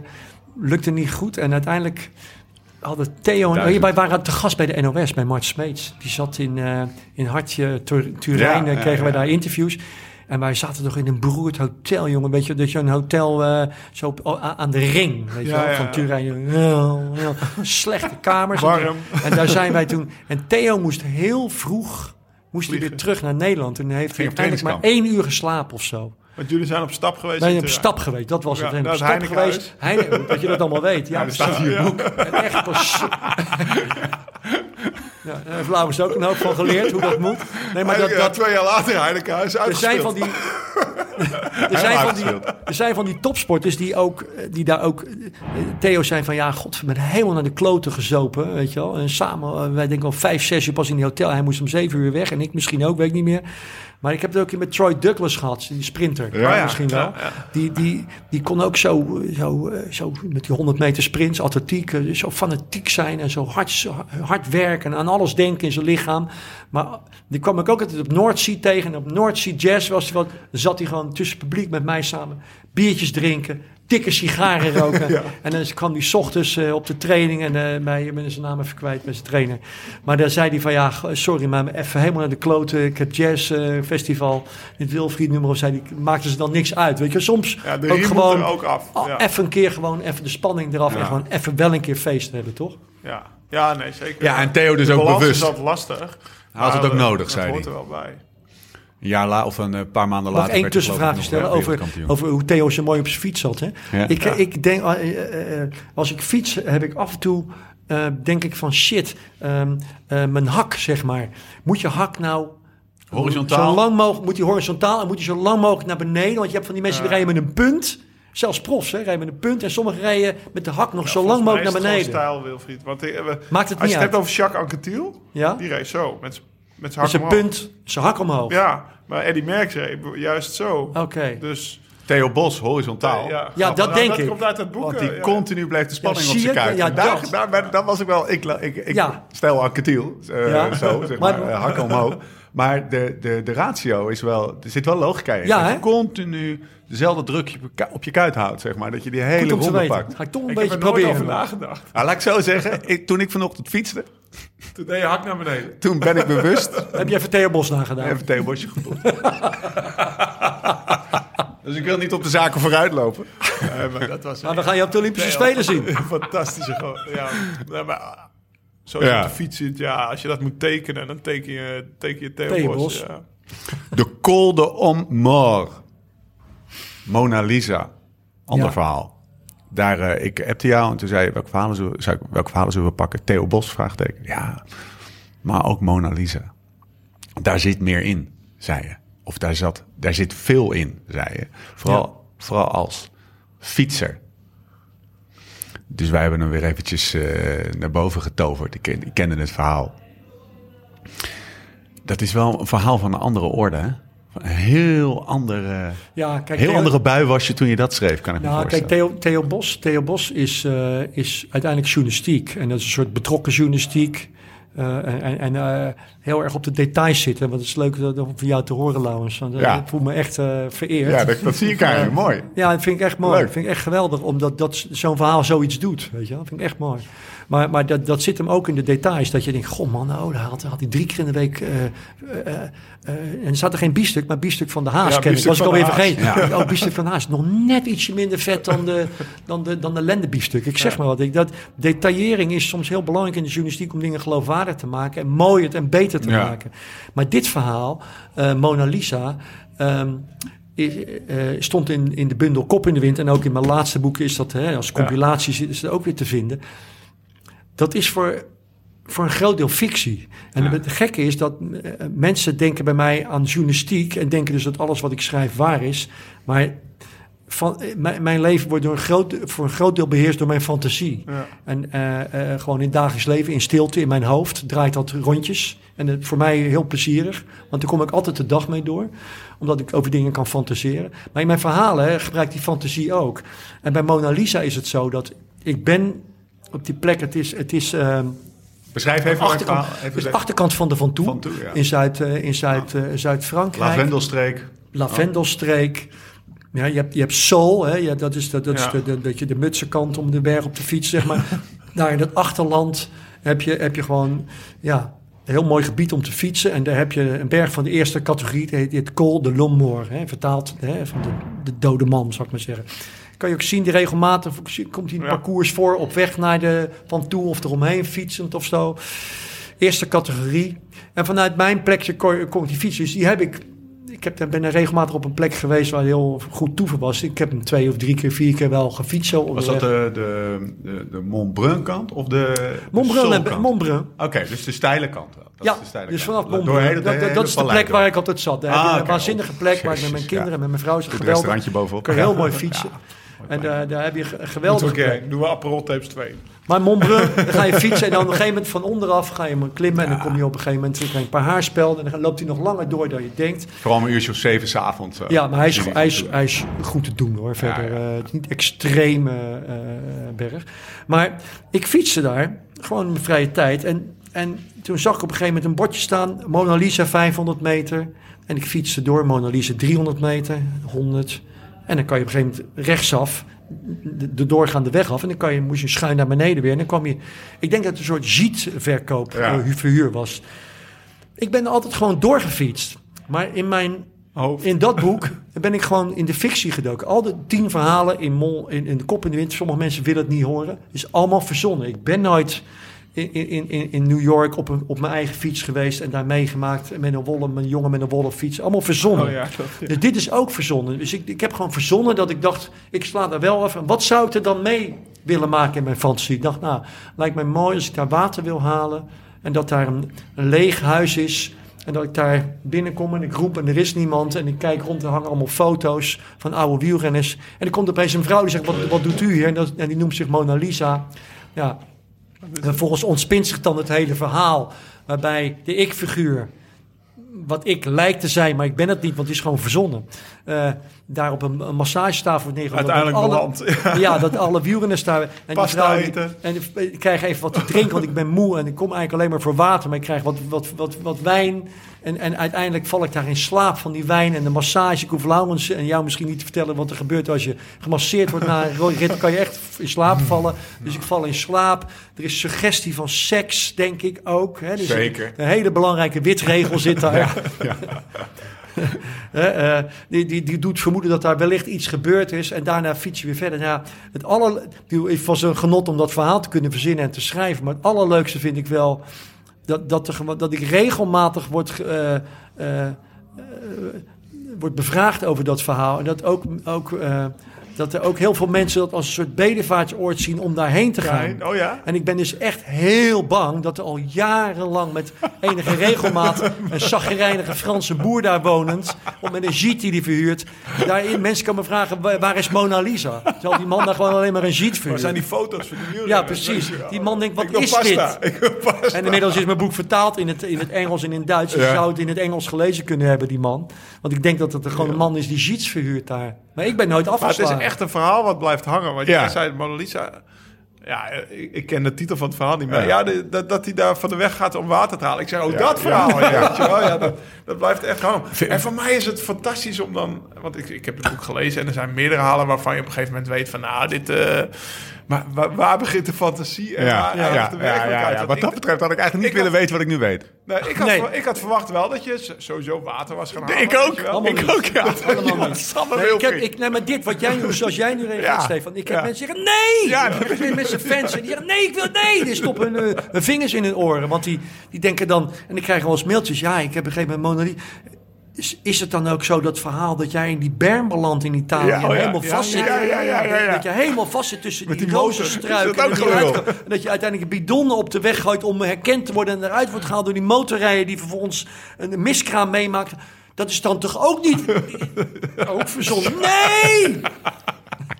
Dat is ook een. Ja, dat is ook een. Daar, daar Ja, Of, of dat hij dat die, dat die, dat die, zijn nieuwe carbon wiel even worden stuk geknipt door de marktkoopman.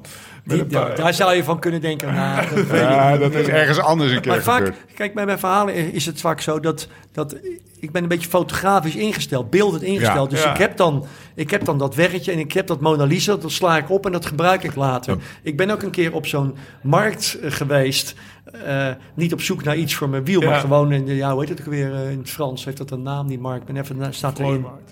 Maar eh, ja, dan, dan denk ik, hé, hey, ik gebruik die setting om een, een nieuw verhaal te, te, te, te maken. Ben je er druk mee met, met, met, met, met, met zo'n boek, met schrijven? Met, we hebben Bert Wagendorp gesproken, die gaat eh, op werkvakantie zeg maar in de zomer. Als hij een En dan boek wil schrijven, gaat hij op lang, vakantie. eh, Ik ben daar vaak, als hij er is, kom ik even Oh ja, bij even langs, ja. Ja, ja, dan wel gaat hij zes weken lang tussen negen en vier schrijven. En dan Ja. gaat hij daarna op terras. Ja, ja die, die, is, die is daar veel beter in dan ik. Die, ik, ben, ik, ben, ik doe veel verschillende dingen in mijn leven. En ik kan het ook weer lang... la- Ik ben nu met twee boeken bezig en die vlotten niet erg. En dat blijft hangen nu. Dat is goed. Ja. Dus niet erg. Dat Het is niet erg, komt wel weer. Hij, hij kan echt zich zetten om de hele dag te schrijven en s'avonds lekker te eten. Ja, ja. Ja.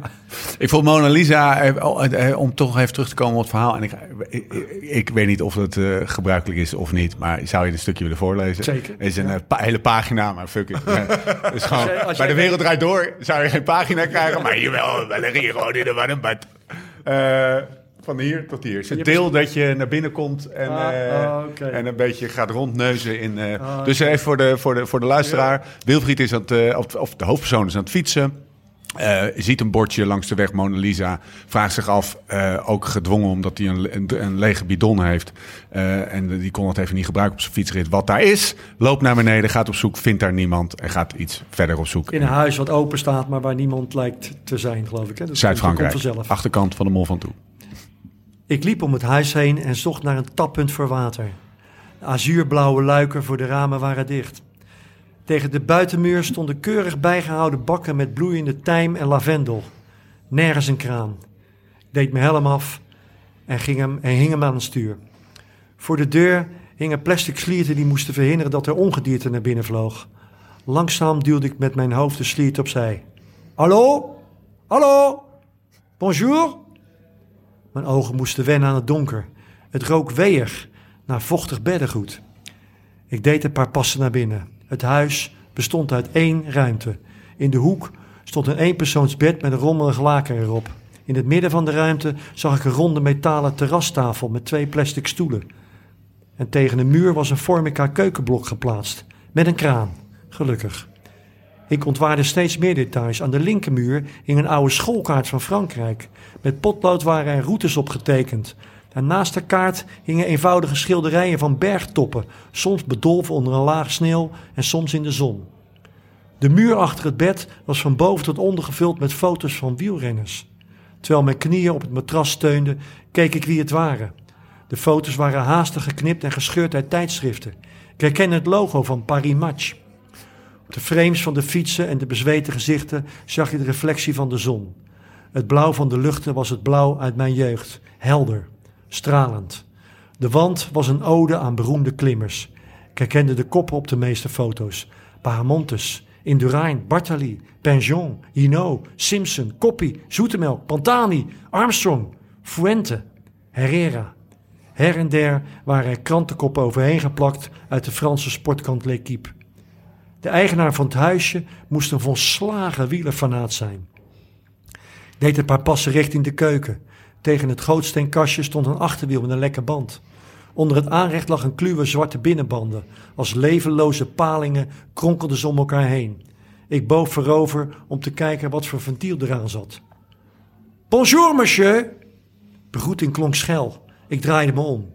In de deuropening stond een grote vrouw. De plastic slierten hingen als dreadlocks om haar hoofd. Ik deed een paar stappen naar voren en zwierde vervolgens handig om het tafeltje en de stoelen heen.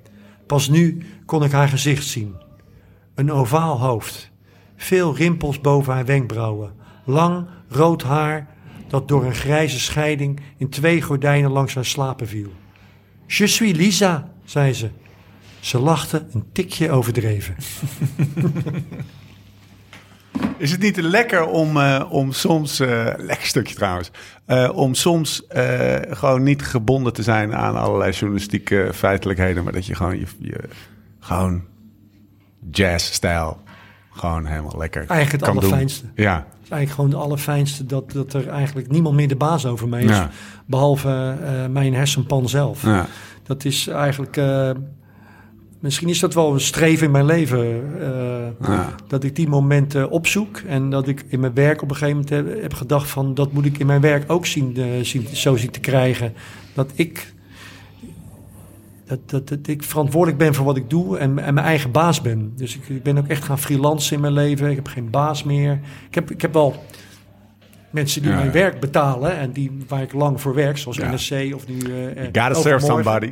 You gotta serve somebody. Ja, Bob precies. Dylan zong het al. Precies, Ja. maar ik ben wel volledig vrij in dat werk. Eh, Heeft dat lang geduurd? Nou, ik, ik heb eh, sociale academie gedaan. Hè. Ik, ik, ik, ik, ik wist niet wat ik wilde worden. En toen zei ze op mijn middelbare school, eh, na, na, of nou eigenlijk nog later, zei iemand van, jij moet gewoon met mensen gaan werken. Dat was toen heel hip. Als je het niet wist, moest je met mensen gaan werken. Dus ik zei, oké, nou, dan wordt het een sociale academie. Dus ik heb met weggelopen jongens en meisjes gewerkt. Dus eh, mij, jongens en meiden die in de tehuizen zaten Hm. of in de gevangenis zaten. Of aan de doop waren. En die moest ik dan helpen. En, eh, en onder, onder, eh, met, onder, onder toezicht gesteld van de kinderrechten. Dus Ja. het was, was, heel, was, was wel mooi werk. En ik heb wel de ogen geopend hoe het leven voor andere mensen in, in, in elkaar kan zitten. Hoe zwaar het kan zijn. En dat je er soms ook niks aan kunt doen dat je de fout in gaat. Eh, vandaar dat ik denk ik ook heel vergevingsgezind ben geraakt. Maar, en toen, was, heb ik dat een jaar of drie, vier gedaan. Maar ik merkte toch, dat ik geloofde, ik geloofde wel in die mensen. Hoe slecht ze soms ook misschien van inborst waren. Ik, ik hield van die mensen. Maar ik geloofde niet zo in mijn hulp. Ik geloof niet in hulp. Geloof niet in... Ik geloof niet dat ik mensen kon helpen. Nee, ik probeerde het wel. Maar Maar was dat specifiek jij of gewoon hulp in het algemeen? nou, misschien eh, dan was het ook wel een beetje een teleurstelling dat ik, dat ik dacht van ja, dat ik, het- dat ik het niet, dat ik het niet, dat ik, ik zag heel, ik zag heel veel van die jongens en meiden echt wel naar de kloot te gaan. Ja. Er ligt echt wel een stelletje onder de zooien nu, of gewoon aan de doop waren, of gewoon- gewoon En wat je ook deed. En ze, Hè? Wat je ook deed. Wat je ook deed, Ja. weet je wel. En, en wat, wat, wat, ook, wat dan ook gezegd werd van ja, je moet beginnen waar, waar, waar zij staan. Dus dat betekende gewoon dat je het beste maar aan een oud eh, brommetje kon sleutelen met ze. Om, eh, en om zo Ja. met ze aan de praat te raken. In plaats van in een kantoor te gaan praten over vertellen eens iets over je ouders. Maar desalniettemin werkte het gewoon voor mijn gevoel niet zo vaak. Dus toen. Ja, intussen was ik ook wel een beetje in de journalistiek beland. En, eh, en, to- en toen, werd, toen, toen fietste ik al met die Hans, Hans van der Pol. We woonden bij mij Ja. in de buurt. Hij was, en hij, hij deed economie of zo. En wij fietsten veel samen. En op een gegeven moment zaten we alle twee zo'n beetje van... zijn we nou wel goed bezig? Maar hij met zijn economie of een studie in ieder geval die hij deed. En ik met die andere zijn we... weet je wat, zullen we alle twee het roer omgooien? En hij was eigenlijk amateurfotograaf. En hij zei, dan moet ik nu vanaf nu gewoon fotograaf worden. Dus zei ik, ik geloof nooit dat je het redt. Heb ik hem, weet ik nog goed, heb ik hem vijf gulden gegeven. Zo'n zo'n briefje van vijf gulden. Ik zei, hier, als je ooit in de grootraad... Dan kan je in ieder geval nog wat brood kopen. Zei hij over my dead body. Heeft hij opgehangen aan zijn spiegel in zijn, in zijn, in zijn slaapkamer. En hij zei, ik heb het, ik heb het nog steeds hangen. Ik ga- steeds? over my dead body, dat ik dat nodig zou hebben. Weet je, ik ga het nu zelf uitzoeken. En hij is fotograaf geworden. Inmiddels eh, heel lang geweest en inmiddels ook gestopt. En eh, huis gekocht in Italië. Hij, woont, eh, hij, woont, hij fietst nog als een, als een gek. Ja. De duurste fiets die er te krijgen is. Zo'n, zo'n Santoni of zo, zo'n soort merk. Heel duur merk, wordt er Ja. maar 100 per jaar van gemaakt. En, en ik ben dus ook gestopt met, mijn, met dat werk. En ik ben gewoon de vrijheid op gaan zoeken in theaterland Ja. en in, in de journalistiek. En dat heeft me eigenlijk wel die vrijheid gebracht waar ik naar op zoek was. Lekker. En Ja. eh, ehm, je, je had het over die vrijheid, maar je had het ook over op de een of andere manier, eh, ehm, toen je beschreef waar je begonnen bent, klonk ook dat meningsvrije of zo. Dus eh, eh, dat, zit, dat, zit, dat vind ik altijd heel sterk in je verhalen. Er zit geen, niet zoveel mening. Je noemde het begin ook eventjes eh, van dit Nee, gesprek. ik ben niet, ik, ik, zit ik- geen, het is een beetje waardevrij of zo Ja. is het. Je Ja, schrijft, soms- beschrijft soms- gewoon dat er een, weet ik veel, een paaltje langs de weg staat. Of een, en dat heel gedetailleerd. Maar daar zit geen mening in, zeg maar. Nee. dat is, het, Nee, eh, dat is jouw stijl hier- een beetje. joh, eh, ik, ik, ik heb... Je vindt vast dingen, uurtjes, misschien best wel mijn mening over het een of ander Precies. gegeven. En dat is ook niet erg. En dan sta ik er ook wel achter. Ik ben, ben niet meningloos of zo. Nee. Ik, ik zou er niet mijn werk van maken. Ja. Dat is eh, voor Ja. mij niet... Weet je wel... eh, om, om, om meningvormer te zijn, meningmaker Nee. te zijn. Ik maak liever mooie verhalen. Ik maak liever mooie interviews. eh dat is plezier voor mij. Wij gaan, eh Wilfried, we gaan Ik ben heel... één ding benieuwd naar. nog. Ja, go. Wat ik wel echt... op- Ja, live slow, ride fast is voor mij de balans. En als ik dan eh, Wilfried. Vooral voor de Aperol-tapes best wel even diep. De kunst van het lummelen heb je. Oh ja, jij kan Ja. echt... Ja, ja, ja. ja, ja. Gewoon aan- Niet te ver plannen ook, hè? Ja, maar wel eh, of de durven te vragen ook. Bijvoorbeeld, dan ga je mee naar Italië, bij wijze van. Of, Ja.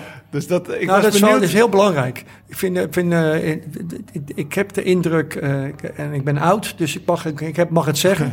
Weet je wel, dat, dat, dat in de afgelopen decennia de, de wereld voor iedereen, hè, dat, dat, dat, dat het wordt aangedraaid. Hè, dat, dat, Ja. dat, dat, dat, de dingen sneller moeten. Hè, de- ook die digitale wereld die is ontstaan, zorgt dat je sneller bent, dat je ook van alles op de hoogte bent, veel op je afkrijgt. Dus dat betekent dat je ook een contrast moet durven maken in je leven. Als je het niet maakt, ik heb zoveel mensen om mij heen in mijn journalistieke vak, in mijn theatervak, die allemaal, allemaal overspannen zijn. Weet je? Ik, ik moet afkloppen, maar ik, ik ben nooit overspannen geweest. Ik ben, ben er nooit ziek. Weet je? Dat heeft ook te maken met dat lummelen. Ik doe heel vaak niks. Mensen zeggen, dat geloof ik niet, want jij bent zo druk altijd.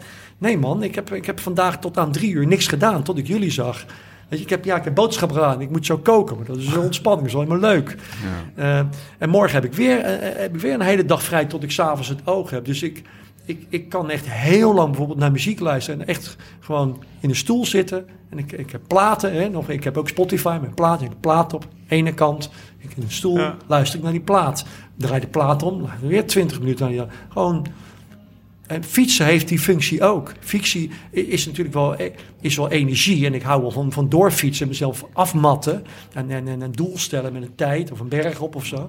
Maar staat van in feite is is het ook lummelen. Ja. Nou, dus Ja, wat jij doet, je, je hebt ja. vier uur gefietst. Ja. En al, al heb je 40 gemiddeld fiets, het is toch ook lummelen. Want er- er ontstaat iets in je geest. eh, wa- wa- waardoor, de, waardoor de spanningen afvloeien via Maar ja, het frame als- van je fiets naar de grond en het is weg. Ja. Maar als jij een plaat luistert, luister je ook echt. Zeg Ja. maar. ja dus Ja. Dat, hè, het is wel Maak ik kleine wel- dingen goed doen. Of, hè, weet je Ja. wel. Dus, Door die, door die plaat, als ik een trompetsolo hoor, dan, dan is dat ook een. Dan is dat ook bewijzen, zijn dat ook waarschijnlijk eh, bij wijze van spreken eh, alle, alle, eh, alle haarspeldbochten van de stelvio die gemaakt worden, weet je wel. Er is, er is ook iemand die ooit een keer zei, zie je, zie je bij mij hier dit adertje lopen aan de zijkant Ja. van... Die zei, weet je, dat, dat die adertjes van Wilfried, dat is precies de Alpe d'Huez. Daar moest ik 21 heel erg om bochten. lachen. Maar, maar fietsen heeft ook dat grillige trompetspelen. Heeft ook dat grillige Ja. dat je dus de, de uithoeken van je geest kan zoeken. Ja. En, en daar peur ik vervolgens mijn fantasie voor mijn verhalen uit Ja. of zo bijvoorbeeld. Of Daar ontstaat wat uit. Ja, ik heb het gevoel dat je af en toe ook wel... Want eh, je hebt, als, je, als je zeg maar je oeuvre ziet... Hij heeft ook heel veel gemaakt, heel veel, hè, heel veel geschreven. Maar je hebt toch de balans, zeg maar. En als je dan gaat schrijven, dan gaat het misschien soms ook heel hard, zeg maar. Of, Ja, klopt. klopt. Dan, eh, dan, eh, dan heb ik ook de vrijheid en de lucht om, om dat te laten gaan. ja, dus je hebt dat lummelen nodig, zodat je Ja, daarna dat is het. Dat Een soort, is, soort dat is het. luipaard. een boek ja, in- inmiddels zijn er gewoon honderdduizend mensen aan het werk vandaag als, als met mindfulness en al die dingen. Ja. Daar, daar heb ik niet zo heel veel mee. Ik heb ook geen, geen schalen met, met stalen ballen erin die gek geluid maken, waardoor ik eh, op drift raak. Of wierook in mijn huis, weet je wel. eh. Ga je wel eens yoga? Zeg je? Heb je wel eens geyogaat? Ik heb één keer geyoga, maar die, die, die, dat, dat 30 jaar geleden, die, die vrouw zei, dus niks voor jou. Daar had ze ook voorkomen gelijk in. Maar, maar- maar, dit, dit zijn allemaal varianten. Ja, je moet precies. Een variant flauw hetzelfde. over doen, want, de een eh, gaat eh, naar een jazzplaat luisteren en die gaat daarna eh, Ja, 40 gemiddeld langs de rot beuken. Ja. En de staat van zijn is hetzelfde. Die komt namelijk leeg thuis, zodat hij weer, het vaatje weer gevuld kan worden. Vond- vond- En dat heb jij natuurlijk ook. Met, Ja, met, daarom, met, met, met- fietsen, met alle. Maar ik vond het heel mooi, want ik heb, ik heb ook wel een periode, bijvoorbeeld afgelopen jaar gehad, dat, je, nou, dat we echt hard gaan. Want toen deden we de Aperol tapes, Ja. we maakten nog het... Dat te veel 22 was. dan. Ja. Dan heb ik daarna ook even nodig van, oké, Ja. en dan komen er opeens als je dus even niks te doen hebt, Ja. of dat je denkt dat je niks te doen hebt, kom je opeens weer met hele goede ideeën. Dan komen die Ja, ja, ideeën, ja, ja. natuurlijk. Ja. En als Ja. je Dat heeft echt met dat niks te maken. Ja. Ja, als je alleen maar heel hard doorgaat, Ja. dan kan je soms eens terugkijken. en Denk je, ja, heel creatief zijn we niet geweest, zeg maar, bij Ja. wijze van spreken. Ja, Dus, klopt. eh, En de rol van muziek daarin hè, is ook nog wel, dat is wel, ik, ik soms vraag ik me wel eens af, want ik ben zo'n onwijze sportfanaat, gewoon eventjes check bij jou. Ik kan helemaal opgaan in, in mooie sport en zo, maar dan als ik dan een mooi lied luister of, een, of gewoon een goede track, dan denk ik altijd, oh, dit is wel echt eventjes van een andere orde of zo. Dit, dit, dit, gaat, dit grijpt emotioneel dieper of zo, hè? Nou, voor mij, ik vind. Ik, eh, kijk, ik, ik doe nou mee aan deze podcast omdat ik jullie podcast interessant vind. Jullie interessante figuren vind. Omdat jullie op een, ook op een andere manier naar jezelf en naar de sport willen kijken. En, en durven te kijken. Ik, ik vind soms de manier waarop mensen sport bedrijven of over sport schrijven of praten. is voor mij niet genoeg. Nou, ja, Soms, eh, ja, weet je, ik, eh, als ik, ja, ik weet wat ik wel als je die van toe opgefietst hebt, want ik, daar zat ik dan toevalligerwijs in de buurt met dat huisje waar ik zat, maar dan, ja, dan fiets je me ook op, dat is ook leuk. Maar als je dan boven komt en iedereen is alleen maar, komt naar je toe en zegt alleen maar, was jouw tijd, was jouw tijd. Wat een beesten, wat een beesten, was jouw tijd, was jouw tijd. drie kwartier, onder de ene drie Dat is voor mij nou waar het helemaal. Natuurlijk heb ik, eh, heb ik dit geklokt en zo. Maar dit is allemaal niet. Voor mij gaat het om, eh, om hele andere dingen dan of zo. En ik, ik vind. Mensen zeggen, ja, jij bent echt een sportfanaat. Ja, ja, ja, ik hou heel erg van sport, maar ik hou ook heel erg van lezen. Ik hou heel erg van boeken, ik hou van schrijven. Ja, van mooie dingen. Ik hou ook van mooie dingen en ik hou ook van denken. En, eh, en als mensen zich alleen maar zeggen, ah, ik ben helemaal, helemaal sport. Helemaal sport is mij te eenvoudig. De sport Oh, is de- voor mij veel meer. Maar Ik- ik- welk beeld nu bij mij opkomt. je, hebt, je hebt een column geschreven over de, hoe Dumoulin de Giro wint. Die laatste tijdrit denk ik dat, dat, dat de camera heeft hem dan van achter in beeld continu. Zie Dus, geen hoofd meer. eh, Dus Quintana die rijdt in het roze en Dumoulin denk ik rood-wit-blauw. Als trapmachine, zeg maar. Handdoek om Ja, nee, maar gewoon op de Oh, op de, de- tijdens in tijdrit. Van je ziet zijn hoofd niet, dus je ziet alleen zijn Ja. billen en zijn rug en zijn benen gaan. En dat is dus zoals hij naar sport kijkt. Hij ziet dus de, de mooiheid van, Ja, van dat beeld, zeg maar. En of, ja, nou, het is natuurlijk mooi dat Tom dan ook de Giro wint. Maar eigenlijk is de, de volmaaktheid van, klopt. van ja. die tijdrit is genoeg. Zeg ja, maar. het gaat ja. Bij, ja, wat jij zegt is waar. Het gaat bij om schoonheid heel vaak. Ja. Ja. En dat zit, dat zit in veel meer dan sport. En als je dat weet, ja, dan kijk je ook graag naar een schilderij. En dan hou je ook van goede muziek en, een- en een goed boek. Ik vind schoonheid overigens ook een, eh, een beenstuk wat niet opfrommelt in je knieholte. Ja, ja. Want dat is echt geen bang. Zeggen wij in Noord-Holland. We gaan een film maken over Bartali. ja. Die eh, de beste man is, eh, is nog wel eens tussen Florence en Assisi in de Tweede Wereldoorlog met gevaar voor eigen leven. eh, met, met persoonsbewijzen in zijn frame. Het, zou, het verhaal zal jou bekend zijn. aan het smokkelen geweest, om zo maar te zeggen. Gebruikmakend van, zijn, van, van wie die was in die tijd. Ja. Wij gaan die route fietsen. En, eh, en dan gaan we stoppen waar hij stopte. Of waarvan wij denken dat hij stopte. Mooi. En gaan we praten met, eh, met eh, misschien wel een, eh, een, een non in het klooster. Met, eh, gaan we naar zijn oude... Ik, we gaan het zien. Heb je nog tips? Nou, wat mij te binnen schiet is dat... ehm, is dat ken je dat lichtblauwe boek van, over Fausto Coppi? Groot boek, fotoboek, heeft uitgegeven bij Hannibal. Nee, Kijk, kop, kijk wie, wie die we zegt... scoren. Die Bartoli zegt zegt natuurlijk ook Coppi. Hè? Die Ja, twee ja. zaten natuurlijk in, voor een deel in hetzelfde tijdperk. Ehm, en, eh, en, en ik weet dat, er heel veel, dat, daar, dat daar heel veel verhalen in staan over Coppi, dus gelijk over Bartoli. Ja. Eh, Daar, zijn, daar zitten al die oude ploegmaten die, die, die nog met die gasten gereden hebben. Die worden daarin gefotografeerd met een verhaal erbij. Er staan geweldige verhalen in. eh. en ik heb, ik heb ook nog... Ik heb ook nog wel, ja, dat is in het Italiaans wat boeken gekocht over Bartoli. En ik, ja, en ik heb hem natuurlijk, ja, dat is heel gek, hè. Daar ben ik zo, ben ik zo blij mee dat we gedaan hebben. Een soort kinderlijk enthousiasme hebben wij ooit Bartoli gebeld, mogen bij u Ja. langs. En dat is toen gelukt. Dat was een van de eerste filmpjes die ik maakte op dat gebied. Die hebben ze misschien wel eens gezien. Ja. ja, zeker. Je zit eh, gewoon aan zijn pacemaker. Ja. Zit aan zijn pacemaker. Ja, Ja, ja. En, en, en het blijkt gewoon dat, zien. dat mensen als, als, als, als, als Mart Smeets en zo... En, en, en die, die, hebben dat, die hebben dat zelfs niet gedaan. Terwijl die, hadden dat, die hebben hem vaak gezien. Want hij, hij liep vaak hij bij een soort club. Die, die, in Ja. de Giro of zelfs in de Tour ook rondliep. Dus hij was er ook vaak wel. Mensen kenden hem wel, maar hem interviewen en hem portretteren werd niet gedaan in die tijd kennelijk of zo. Dus ik prijs hem wel geluk dat ik in zijn huis ben geweest. Ja, ik vind het zo'n fantastisch verhaal. Ik, daar, daar wil ik achteraan gaan. Ja, dat is dat die, die man... Want dat die- is ook, eigenlijk bij, bij leven is het nooit bekend geworden. Hè? Toch, Ja, eh, dat was, is- dat- dat is de Hij hele nooit eh, De vrome. na, de, na de oorlog gezegd van... eh, nou, ik heb even een paar duizend eh, joden gered met Nee, persoonsbewijzen. nee. Dat is ja, pas, zijn zoon die heb ik met, met Renate nog eens opgezocht. Daar heb ik Ja, een column over. Die ja. leefde nog wel. Die woonde, die woonde volgens mij naast het ouderlijk huis eh, in Ponta Emma.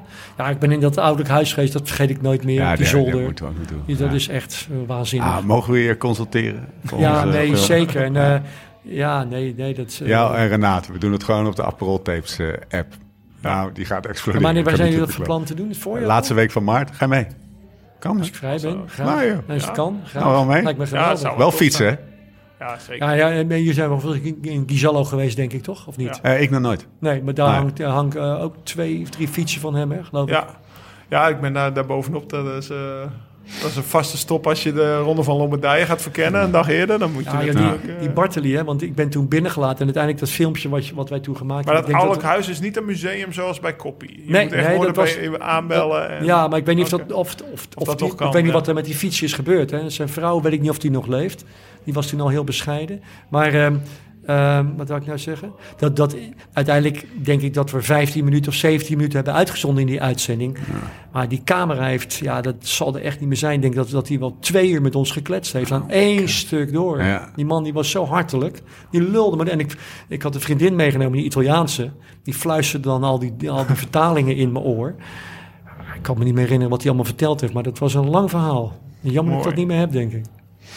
Nou, Vet. Op naar Bartoli. ja, Op naar Bartoli. toch? Ja. Eind maart en dan gaan we voor de Giro, moet die film uitkomen. Dat is een beetje het plan. Barolo, Bartoli en drie, de drie B's. Ja, Laurens Bottini. ten Bam. Laurens ten Bam. Nou, dit, dit, is, dit is mooi. Dit is een mooi, een mooi bruggetje. Bonifacio. Dit, is een, dit is een heel mooi bruggetje, want we kregen namelijk post. En het mooie is, ik hoorde jou het ook zeggen, Wilfried. Dus eh, deze is ook voor jou. Ehm, we kregen lu- eh, luisteraarspost. Post Oh. van, eh, van onze eh, ja, eh luisteraars. dan. Kritiek? Jazeker. Beste Vaurens Renkam, Steven Bult en Honas Rekker. Fantastische podcast weer hoor. De eindejaarsaflevering 2020. Maar we lopen nu al het hele jaar ons te verbazen over die renner Pogacar. Leer als professionele wielerbabbelaars dan minimaal de namen uit te spreken van de mensen waarover je het hebt. Pogacar en niet Pogacar. Dat hoorde ik jou ook zeggen. Ik zeg het ook. Jij zegt het de helft van de tijd. Eh, Thomas, ik, ik ben heb er- teruggeluisterd. Thomas zegt altijd goed. Maar jij hebt 50-50, ik altijd verkeerd. Maar gelukkig als Wilfried het zegt, dan kan ik Ik het ben al heel zeggen. blij dat jullie Bartali zeggen, niet Bartali. Zoals Ja, de meesten ja, zeggen. ja, ja, ja, ja, ja. Nou, en wij hebben ooit jou een filmpje gestuurd. eh, bij mij in de tuin ingesproken om je warm te maken voor de, Voor de Aperol. voor de Aperol tapes. En toen Met noemde Wilfred. jou eh, gewoon, gewoon Wilfred. Ja, wordt echt. En toen stuurde jij terug. Als jullie nou godverdomme nog één keer Wilfred zeggen. Kom ik niet. Denk je dat ik het maar in je reet.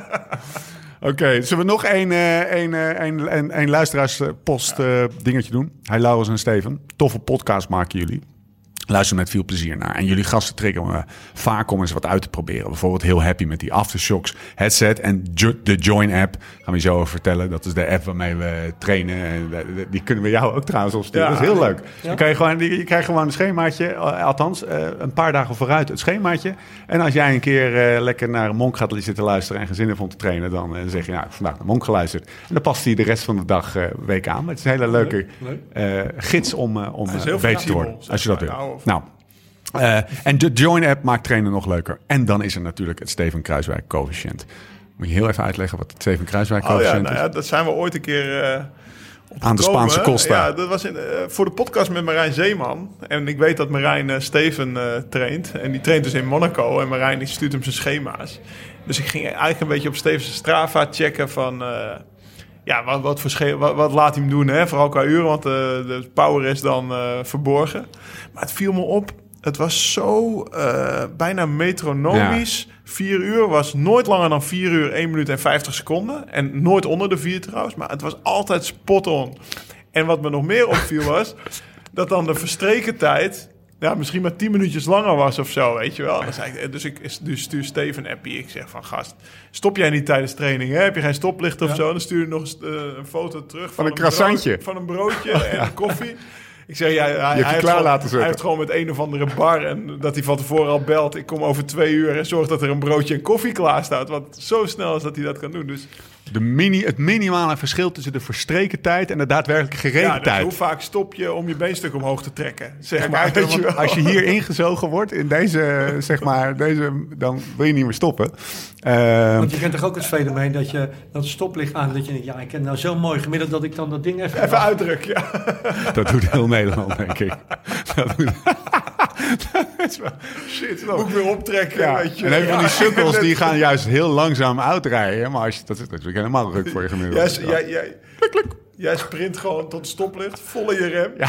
ja. sta je in drie zo zonder dat. Ja, dat klopt wel, Dan ja. trek je zo hard mogelijk Ja. weer op. Ja, je hebt ook mensen die klikken hem dan even op uit. Enfin, ik speelde al een tijdje met het idee, zegt, eh, zegt deze luisteraar, dat het toch leuk zou zijn als je Steven Kuiswijk coëfficiënt, dat is namelijk het coëfficiënt van die, Ja. eh, echt, de, zeg maar de omvang van het verschil tussen verstreken en gereden tijd, automatisch bij Strava details zou komen. We gaan dieper. en daar leek nog niks voor te bestaan, dus dat heb ik gemaakt. www whatismyskc.com. Steven Kruiswijk, coëfficiënt.com. www.whatismy myskc.com gemaakt. Koppel je Strava-account en de SKC voor nieuwe Strava-rit wordt automatisch in de lijst met recente ritten gemaakt op whatsmyskc.com slash rankings.